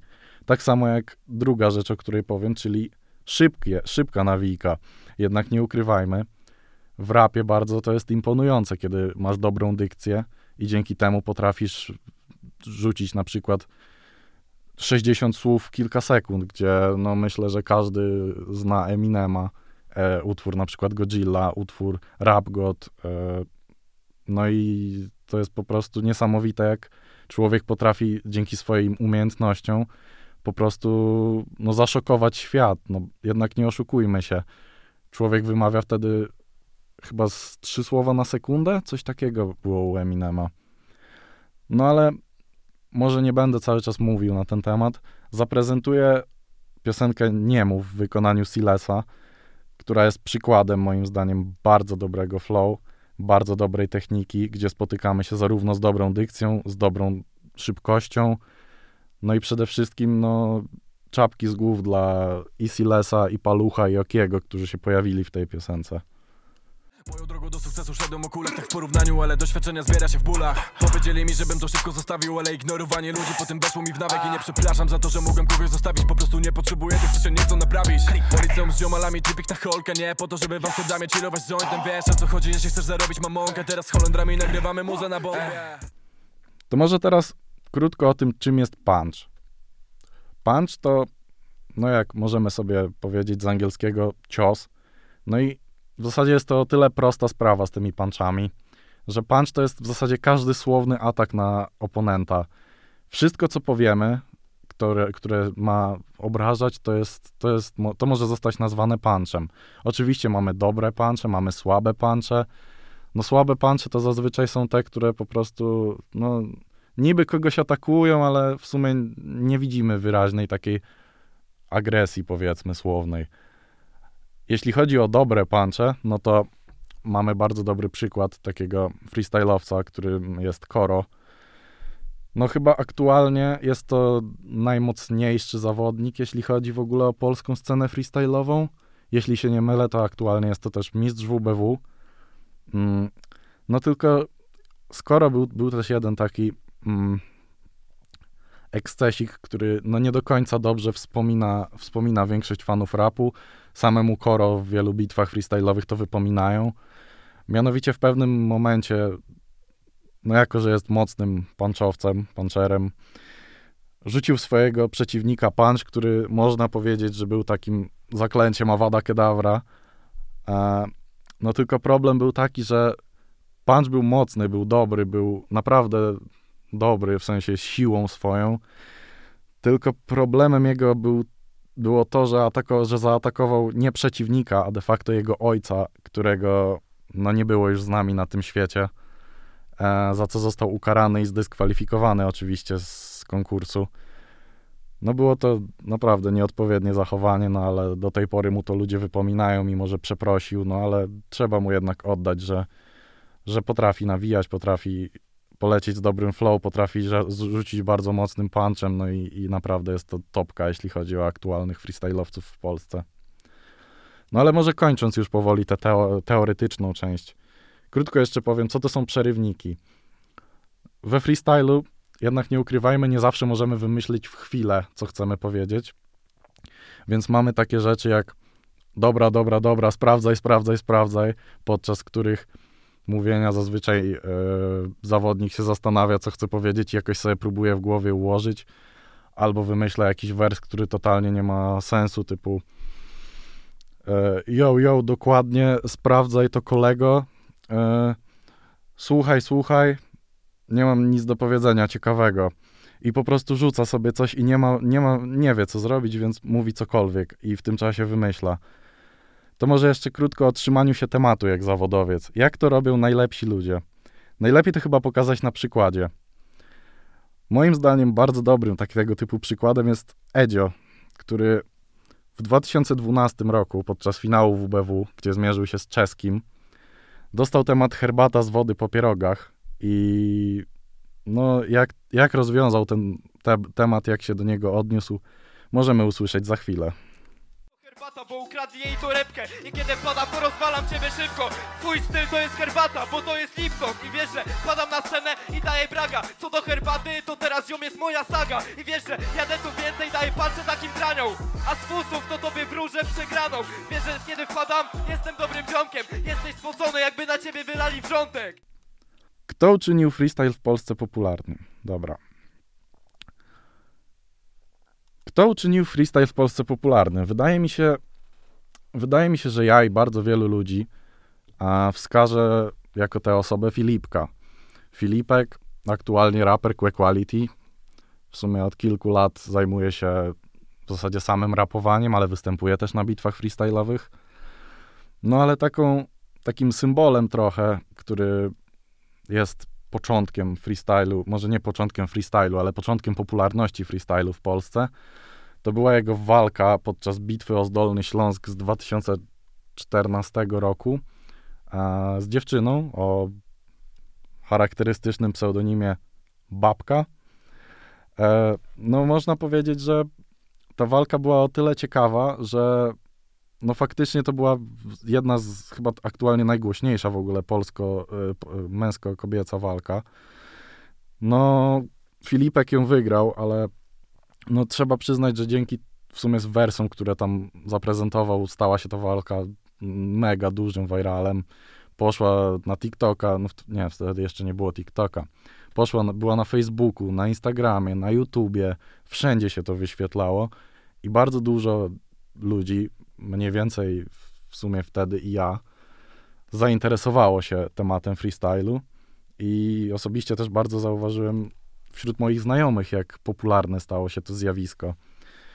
No, jeśli chodzi o właśnie tą popularność, to trzeba wtedy moim zdaniem wspomnieć o Filipku, ale no nie można też odebrać moim zdaniem zasług, jakie dla freestylu w Polsce ma Muflon, Tetris czy Duże P gdzie Muflon był już jurorem na WBW, Tetris również, Duże P jest prowadzącym bitwy o Pitos, jeśli się nie mylę.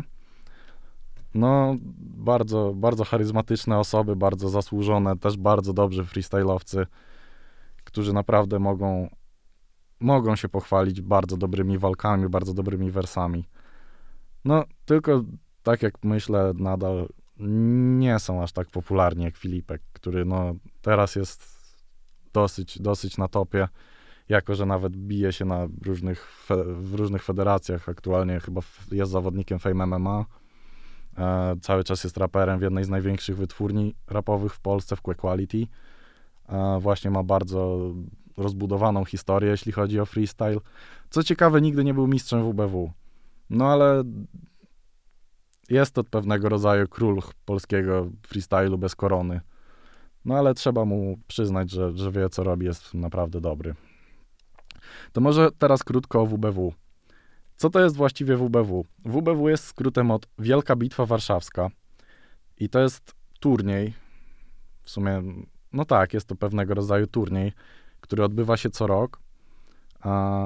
No ale teraz, teraz akurat w 2020 i 2021 są trochę problemy, no wiadomo, przez epidemię i nie, może, nie mogą być organizowane walki za bardzo, bo bardzo ważne, jeśli ktokolwiek kiedykolwiek zinteresował się freestylem, wie, jak ważną rolę odgrywa publiczność, a jednak w czasach, kiedy mamy do czynienia z koronawirusem, nie tak łatwo, żeby ta publiczność była na trybunach, czy w ogóle była pod sceną.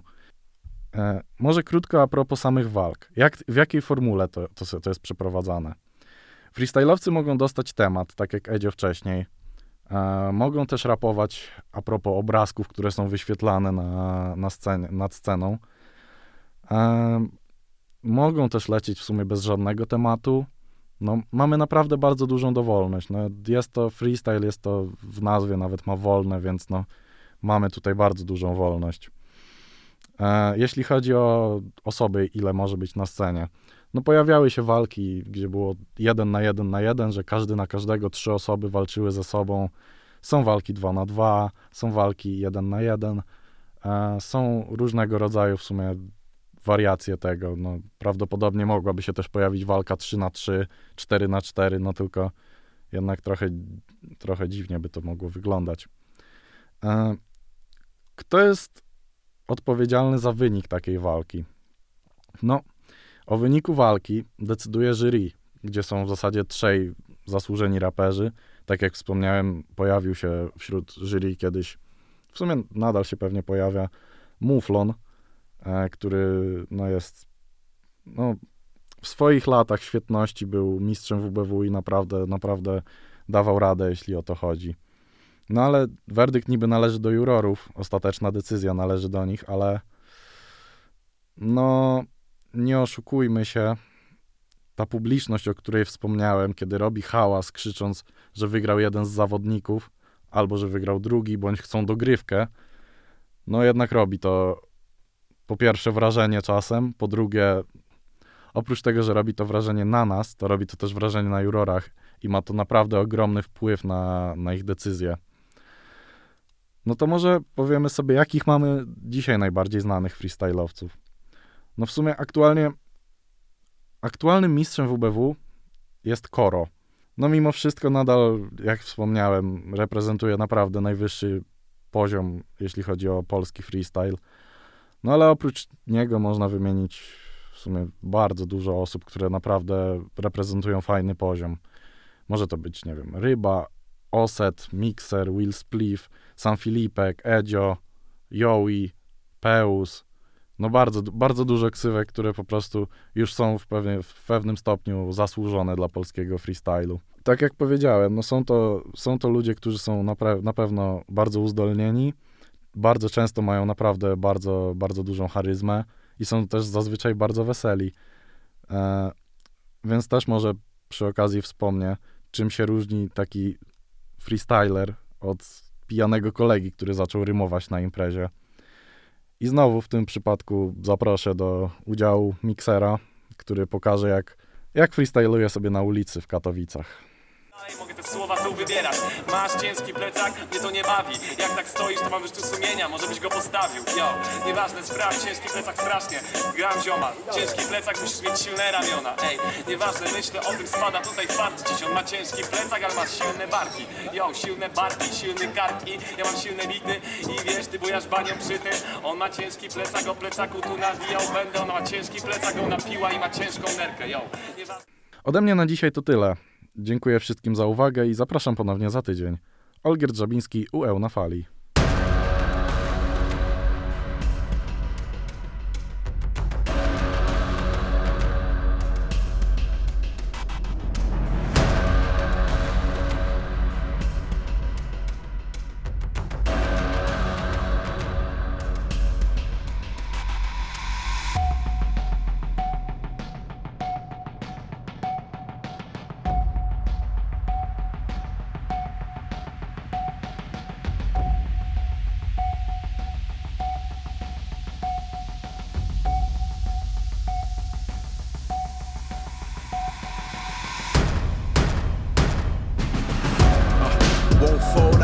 Quit. On a one way train to the top quick. You wanna bang like a mosh pit. You couldn't hang, I'll explain, baby, watch this. I go zero to 100 quick, heating up like I'm Tyler Hero with another switch. Doesn't miss, doesn't matter what you coming with. I don't think you fully understand what you are up against. When it's all on the line, through God by design, He just called me to shine. Regardless for y'all that I'm strong in my mind, just jogging, but y'all still falling behind. Won't back down a single inch. So retreating, I don't know what that even is.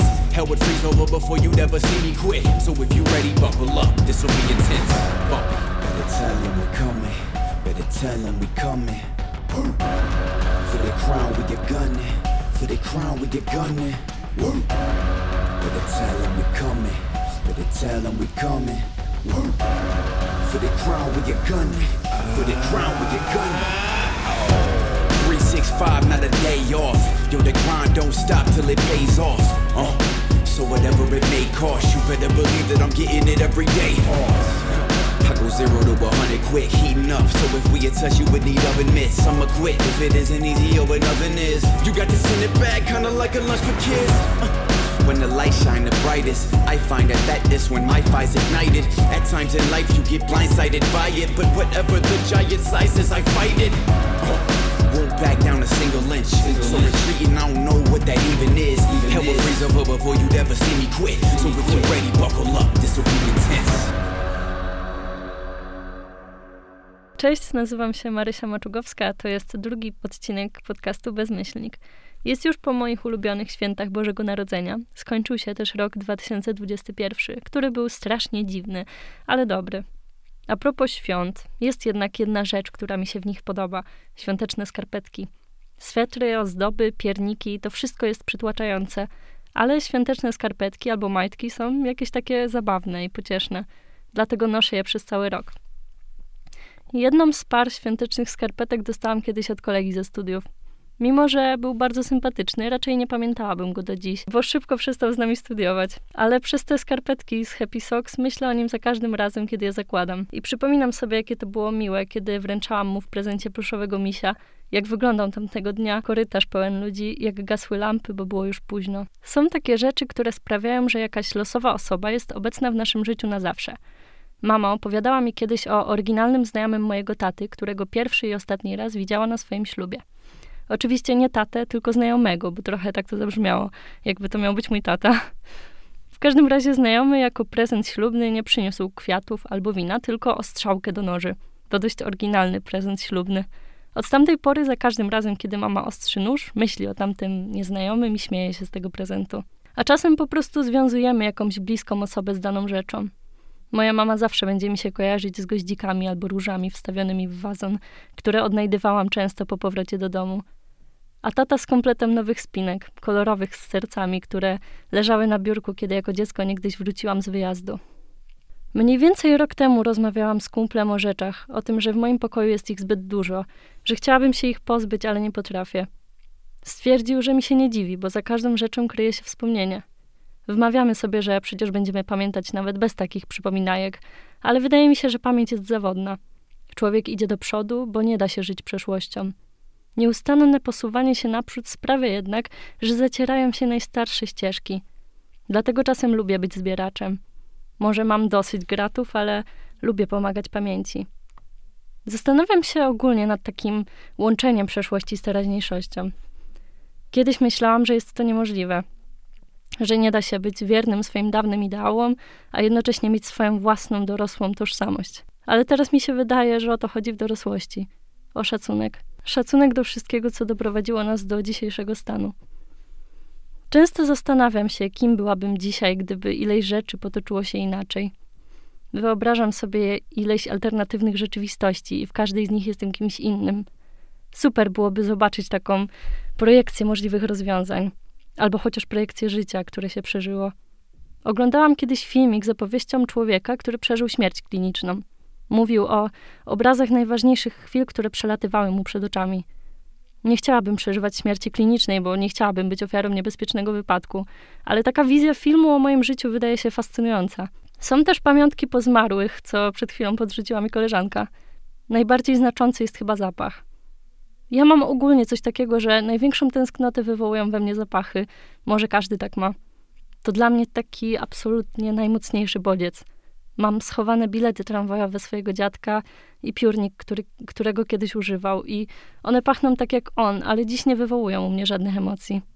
To jest taki sposób, żeby przeżyć czyjeś odejście. Udawać, że tego człowieka nigdy nie było. Dlatego te rzeczy trzeba pochować. Pochować jak człowieka. Jak zwykle uderzyłam w poważniejszy klimat, chociaż ostatnio więcej w życiu mnie bawi.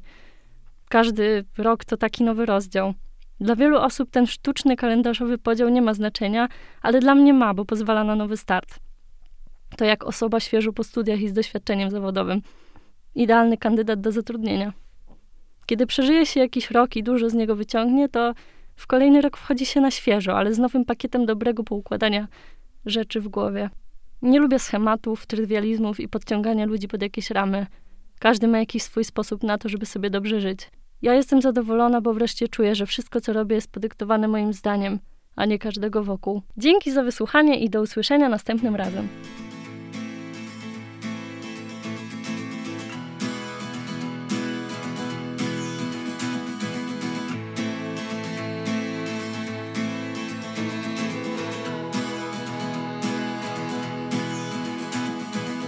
Feel like a tractor's caution me after I hit the grip and it's getting my life display shift.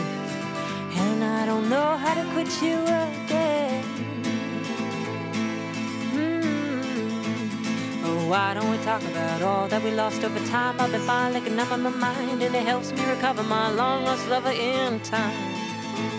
But how do I get you off my mind? It's not as easy as swallowing a line or a dime. As my lover come to your mind, cause I've been blind to the signs this entire time. Oh, I can't get you off my mind. I tried to decipher your messages. I regret that I let all my bets on one bet, but I just didn't confess baby, I was true. Cause I fell in love with the things that you do. And I guess it's something we'll have to suffer through. Heart is lost. And I guess it was all worthwhile. Oh, I'll never get you off my mind. Oh, oh off my mind,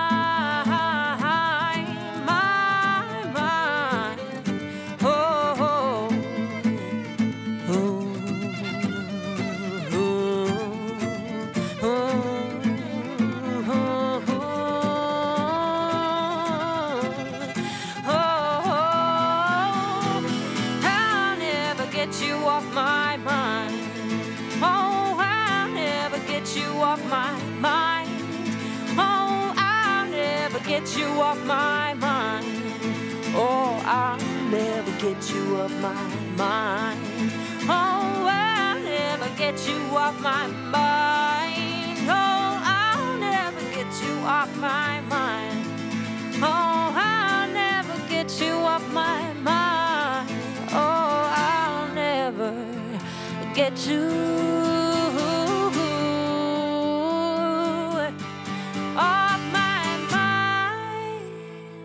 Cześć drogie osoby, witam w moim pierwszym podcaście KZM. Istnieje coś takiego KZM i jest to kleszczowe zapalenie mózgu, ale mój podcast będzie nazywał się Queer znaczy miłość, a co to wszystko oznacza opowiem potem. Ja nazywam się Aleksandra Prędka, a mój podcast będzie trochę dziennikiem, trochę rozkminnikiem prowadzonym z perspektywy wyautowanej queerowej dziewczyny i będę queerować sobie studia i rzeczywistość i rozkminiać różne stereotypy, które bardzo mi przeszkadzają w tej kwiecistej Polsce. Jest to podcast e, Za wolność waszą i naszą. Jest to popularne hasło z protestów, tylko że protesty się kończą i szczerze mówiąc jestem całkiem zadowolona, że mm, nie, ma, nie ma już ochoty o co się bić i przechodzimy do po prostu zastanawiania się, co możemy naprawić między sobą i jak wspierać się nawzajem i tworzyć coś po swojemu, nie bijąc się z pisem e, na szable. Mm, Będzie to podcast z treściami afirmującymi, bo nie chcę czuć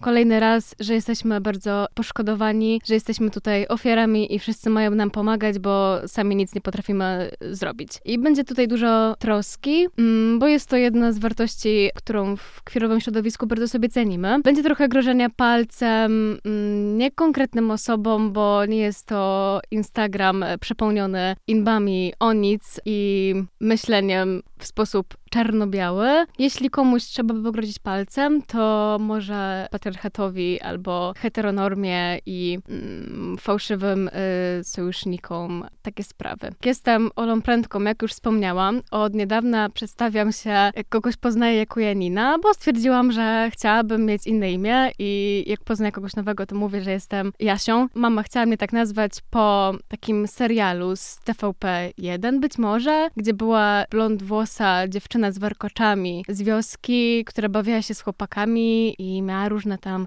y, swoje przygody. Ja też, a najdłużej w życiu spędziłam mm, właśnie w wiosce o wdzięcznej nazwie Rurka. E, nie miałam się z kim bić, bo byłam tam głównie sama i tam nauczyłam się przebywać i mówić sama ze sobą. No, ogólnie byłam tu i tam, skacząc po mapie Polski. A to zasługa przywileju w postaci e, przynależności do klasy średniej, więc e, zwiedziłam Poznań, zwiedziłam Łódź. Teraz mieszkam w Warszawie, którą kocham i nienawidzę ale chyba najwięcej, najbardziej ukształtowała mnie relacja właśnie z rurką i samotne krążenie po lasach. Tam nauczyłam się podchodzić do zwierząt jak do, jak do osób. Nauczyłam się milczeć i doceniać naturę i żyć prosto. Tam było mi też niesamowicie samotno z racji tej e, kwirowej tożsamości, albo z, z racji samotności w ogóle, bo w wiosce nie było żadnych dzieciaków. 23 lata przeglądam się światu tego małego punktu na mapie, po którym zasłyszane kilka lat temu ponoć chadzają e, białe niedźwiedzie. No i wszyscy i wszystkie jesteśmy w Polsce trochę przez przypadek i musimy się ukokosić, a do kokoszenia się kwirów w Polsce jeszcze dojdziemy. Robię różne rzeczy. Zaczęłam pisać piosenki, bo uznałam, że y, mam 23 lata i to czas zostać y, artystką na miarę Janklosi, tylko nie będę taka fajna i słodka. Chciałabym się nauczyć rapować. A skoro się już trochę przedstawiłam, chciałabym porozmawiać o tym, dlaczego queer znaczy miłość i co to w ogóle jest queer. Queer i queer albo LGBT i dlaczego używam tego pierwszego. Ja i moi serdeczni przyjaciele uważamy, że w queerze zawierają się pojęcia takie jak troska, solidarność i przede wszystkim sprawczość. To jest, nie zgadzamy się na. Zdajemy sobie sprawę, że jesteśmy polityką samą w sobie i nie uciekniemy od tego. Chcemy czuć, że możemy sobie sami z tym jakoś poradzić i że nie potrzebujemy do tego niczyjej pomocy ani niczyjego e, zbawstwa, bo pomoc jest wtedy, kiedy przychodzisz i nie zostawiasz osoby potem bez perspektyw na dalsze radzenie sobie. Zbawstwo jest wtedy, kiedy przychodzisz, żeby pokazać, że jesteś taką wspaniałą osobą, że decydujesz się na pomaganie i takie, a nie inne nastawienie do, do życia. Queer znaczy też walka, a walką może być nawet zrobienie swoim znajomym obiadu, kiedy nie mają na to środków ani e, chęci do życia. I to przede wszystkim życie tak, jakby patriarchatu za bardzo nie było, a twoja płeć nie miała zbytniego znaczenia. Queer jest pojęciem, e, które zabraliśmy sobie ze Stanów, e, tylko że w Stanach i w Polsce ma zupełnie inną historię. Pamiętamy zamieszki e, Stonewall i bohaterską walkę queerowych osób, ale nie możemy kłamać, że my robiliśmy dokładnie to samo. Polska nie jest krajem tak imponująco nieimponującego kapitalizmu jak w Stanach. Nauczyliśmy się dealować z taką naszą własną samotnością i, i brakiem reprezentacji, który jest bardzo często dobijający, ale musimy po prostu sami utkać sobie własne sieci w państwach, w których mieszkamy, z tą historią, jaką mamy i w tej polityce, w której słyszysz e, o sobie najobrzydliwsze komunikaty. Trzeba nauczyć się nie tyle je ignorować, ale po prostu wspierać osoby, które czują się z nimi źle i obserwować e, się nawzajem. Queer jest e, jednym ze sposobów na spolszczenie e, słowa e, queer anglojęzycznego i mm, z tego, co mi mój przyjaciel opowiadał, jest to ma jakiś związek z strelicą. Wiem, że mój, mój kumpel studiuje wschodoznawstwo i siedzi w tym temacie, a odkąd zaczął pisać e, queer przez W, e, nagle widzę tego coraz więcej. Mi samej się podoba, bo czuję, że to jest takie e, nasze polskie. Byłam kilka miesięcy temu na y, wystawie na ulicy Jasnej w siedzibie wydawnictwa krytyki politycznej y, Stulesp, w którym faktycznie fotografka Karolina Jackowska y, sfotografowała zgłoszone wcześniej osoby, y, 100 lesbijek, a towarzyszyła temu wydana książka, w której każda z osób lub par opowiada swoją historię, co dla niej znaczy bycie lesbijką. Jest to jeden z, jedno z milszych wydarzeń, jakie pamiętam z 2021 roku. Oprócz tego w 2021 przez cały ten rok towarzyszył mi podcast e, lesbijski Sor Heleny Urbańskiej i Jagody Jobdy. I to było naprawdę uwznieślające, kiedy siedziałam na trybie zdalnym i w nocy odpalałam sobie podcast z dziewczyn, czując, że faktycznie ktoś w końcu mówi y, do mnie, a przy tym ma tak wielką y, charyzmę, miłe głosy. Dodatkowo sama kminiłam wtedy nad swoją tożsamością, więc to mi było bardzo pomocne. To o polskiej reprezentacji, także polecam, jeśli chodzi o teksty kultury, serial na Netflixie Master of None, Mistrzodniczego. Każdy sezon jest przewspaniały, przezabawny, z mnóstwo wątków z perspektywy imigranta o rasizmie, o religii, o miłości, o przyjaźni. Bardzo zabawny, i niegłupi, nieprostacki sposób. Jedną z bohaterek jest czarna lesbijka, która doświadcza dyskryminacji krzyżowej, e, zarówno przez wzgląd na swój kolor skóry i wszystkie sprawy i różnice, w jaki sposób wychowywana jest ona jako czarna kobieta, w jaki sposób jej przyjaciele innego koloru skóry. Mamy tam też Azjatę i osobę z Indii. Jest tam taki piękny odcinek, nazywa się chyba Święto Dziękczynienia, kiedy widzimy małą Denis, która nie chce nosić sukienek, jest trochę pyskata, nie rozumie świata i co to w ogóle znaczy, że jest y, z mniejszości rasowej. Potem widzimy, jak zmienia się zawartość jej szafy, jak zmieniają się kobiety na plakatach zawieszone w jej pokoju. Słyszymy o jej pierwszych dziewczynach i w końcu widzimy, jak przeprowadza swoją pierwszą dziewczynę do domu. Jej matka traktuje je z rezerwą i z pewną awersją także, może niezgodą na to, że jej córce będzie tak trudno żyć jako czarna lesbijka, spotykając się z dyskryminacją na tylu polach, a także taką najzwyklejszą w świecie e, homofobią. To jest tym uczuciem dyskomfortu, gdy patrzysz na uczucia pary jednopłciowej, albo na ekspresję płciową, która dla ciebie jest niezrozumiała, bo mm, nie rozumiesz konceptu niebinarności czy e, transpłciowości. Podobnie jest e, właśnie z mamą Denis. Rok w rok widzimy, jak spędzają święte dziękczynienia, jak zmieniają się partnerki Denis i ostatni odcinek jest o wytworzeniu się jakiegoś rodzaju porozumienia i przyzwyczajenia się do, mm, do tego, w jaki sposób e, kocha jej córkę. Jest naprawdę piękny.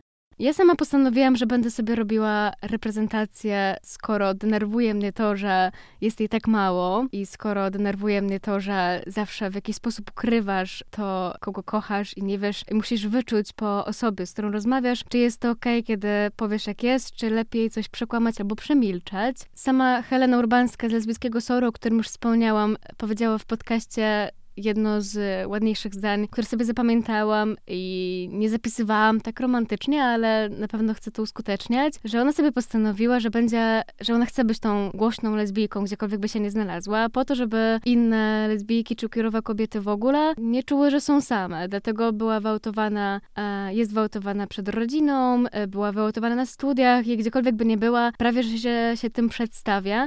To też jedna z kwestii, która mnie mocno denerwuje, jest y, to stanowisko, e, o którym, które często pojawia się w dyskusji o obnoszeniu się osób nieheteronormatywnych y, czy queerowych w ogóle. To jest ten koncept wytwarzania sobie całej swojej tożsamości na podstawie swojej orientacji i wydaje mi się, że w jakiś sposób osoby hetero także wytwarzają sobie na tę tożsamość albo o tym nie wiedzą, ale mogą wspominać totalnym luzem o swoich dziewczynach albo chłopakach i o rzeczach, które robią wspólnie. Mogą o tym wspomnieć mimochodem. My musimy spotykać się z jakiegoś rodzaju wstydem w sobie, które trzeba e, pokonywać. Jedną z większych wolności jest ten moment, kiedy nie zgadzasz się na wstyd innej osoby, e, który jest dla ciebie zauważalny. No i tak, w pewien sposób wytwarzam sobie tożsamość na byciu queerem, ale bardzo mi to odpowiada i odpowiada całemu e, mojemu gronu znajomych. Mamy swoje żarty, e, swój sposób ubierania się, to znaczy, kiedy większość osób uzna, że coś jest brzydkie, nam najpewniej się spodoba. No i ta reprezentacja uszczęśliwia małą dziewczynkę we mnie, która do końca nie wiedziała, kim jest i dlaczego tak bardzo na uboczu i o co w ogóle chodzi i dlaczego zakochiwanie się jest takie nudne. Teraz nie jest nudno i postaram się, żeby nie było nudno. Także w tym podcaście będę przychodziła z rozkminami, e, z tekstami kultury, które przypadną mi do gustu. Może z jakimiś inbami, to jest dyskusjami bulwersującymi opinię publiczną w ogóle. E, Słyszymy się w następnym odcinku, a ja przygotuję dla Was, e, drogie osoby, coś fajnego.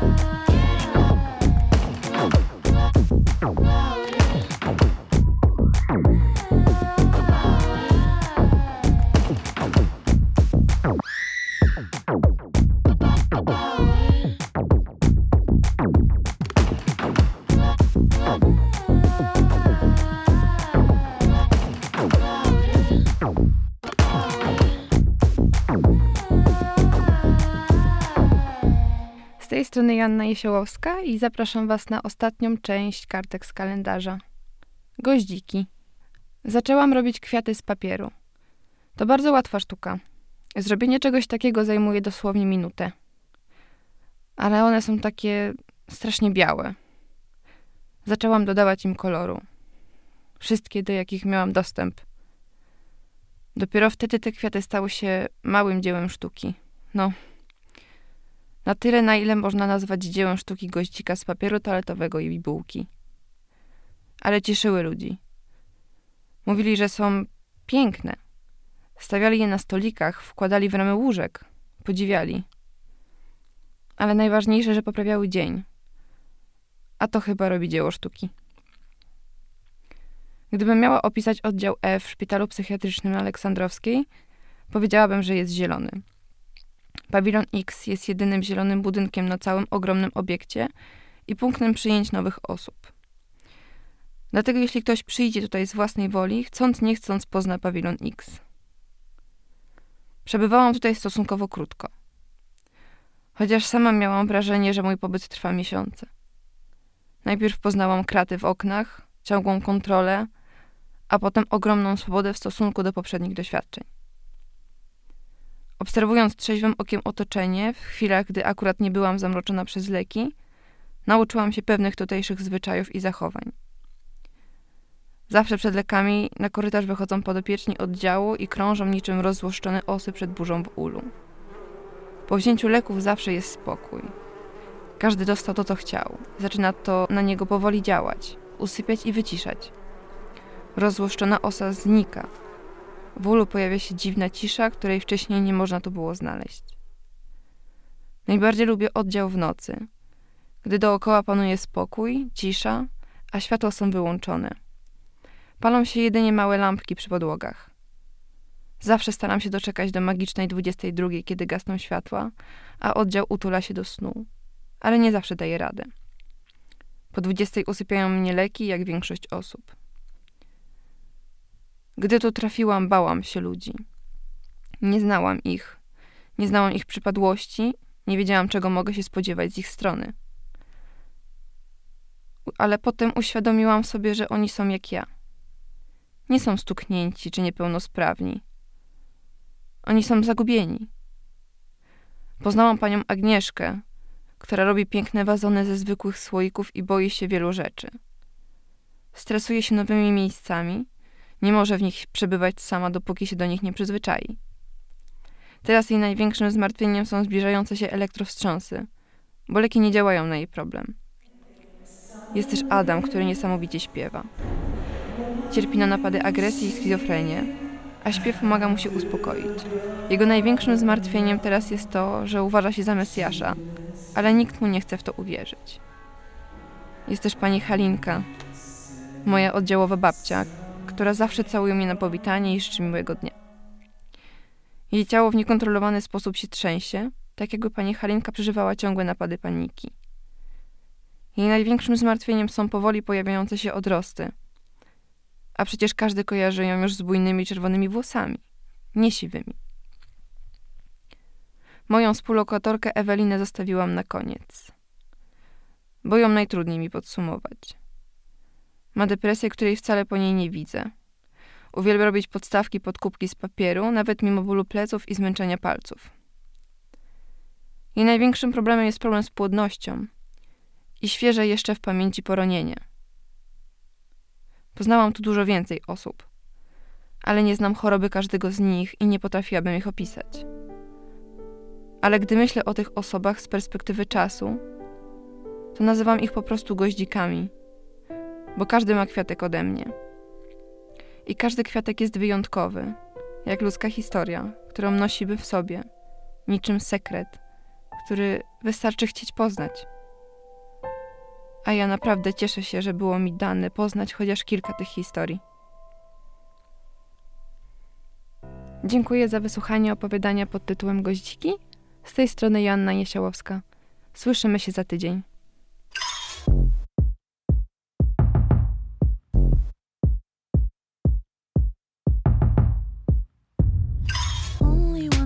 Monster you have in your head, and that's you. You're not even fighting, embracing the world shades of blue.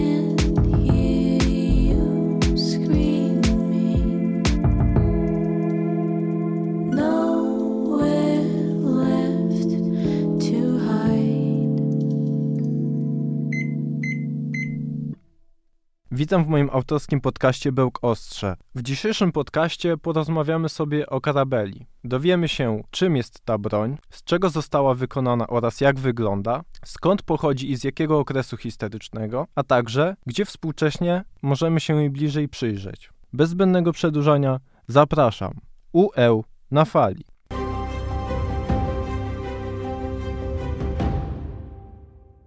Karabela jest polską szablą bojową. Została ona wykształcona z typu węgierskiej szabli, a także z pali, czyli szabli tureckiej. Po dokonaniu wielu ulepszeń i modyfikacji dwóch odpowiedników, o których wspominałem, stworzono karabelę, którą klasyfikowano jako typ drugi. Pierwsze występowanie tej broni zarejestrowano już na XV wiek, czyli w okresie walk z Tatarami i Turkami w historii Polski. Podstawowymi elementami karabeli są ostrze, prosty otwarty jelec, a także drewniana rękojeść, która często nawiązywała swoim kształtem do głowy orła, który jest naszym symbolem narodowym. Ostrze było wykuwane ze stali demasceńskiej, długość była zależna od typu karabeli. Typy drugie były podzielone na trzy rodzaje. Typ drugi A, czyli około 810 mm, na bazie egzemplarza o numerze 3446 z Muzeum Wojska Polskiego w Warszawie. Typ drugi B, około 830 mm, na bazie egzemplarza o numerze 439 z Muzeum Świętokrzyskiego w Kielcach, a także typ drugi C, około 775 mm,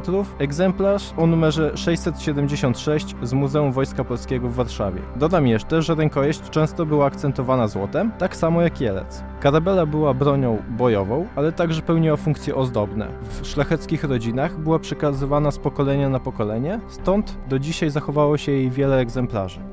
Można było wykonywać szereg ataków. Niektóre z nich nie były możliwe w przypadku szabli węgierskiej czy też tureckiej, na przykład cięcia z nadgarstka. Innymi sposobami były m.in. cięcia z łokcia i dźgnięcia. We współczesnej kulturze karabela kojarzy nam się z husarią i sarmatyzmem. Jest obdarzona pewnym mistycyzmem. Najlepszym przykładem występowania tej broni w naszej popkulturze jest postać Olgierda von Everett, postaci występującej w grze Wiedźmin 3, w dodatku Serca z Kamienia. Jest to typowy sarmata ubrany w kontusz, noszący u swego boku karabelę o nazwie Iris. I to by było na tyle. Mówił do Was Szymon Sadowski, UE na fali.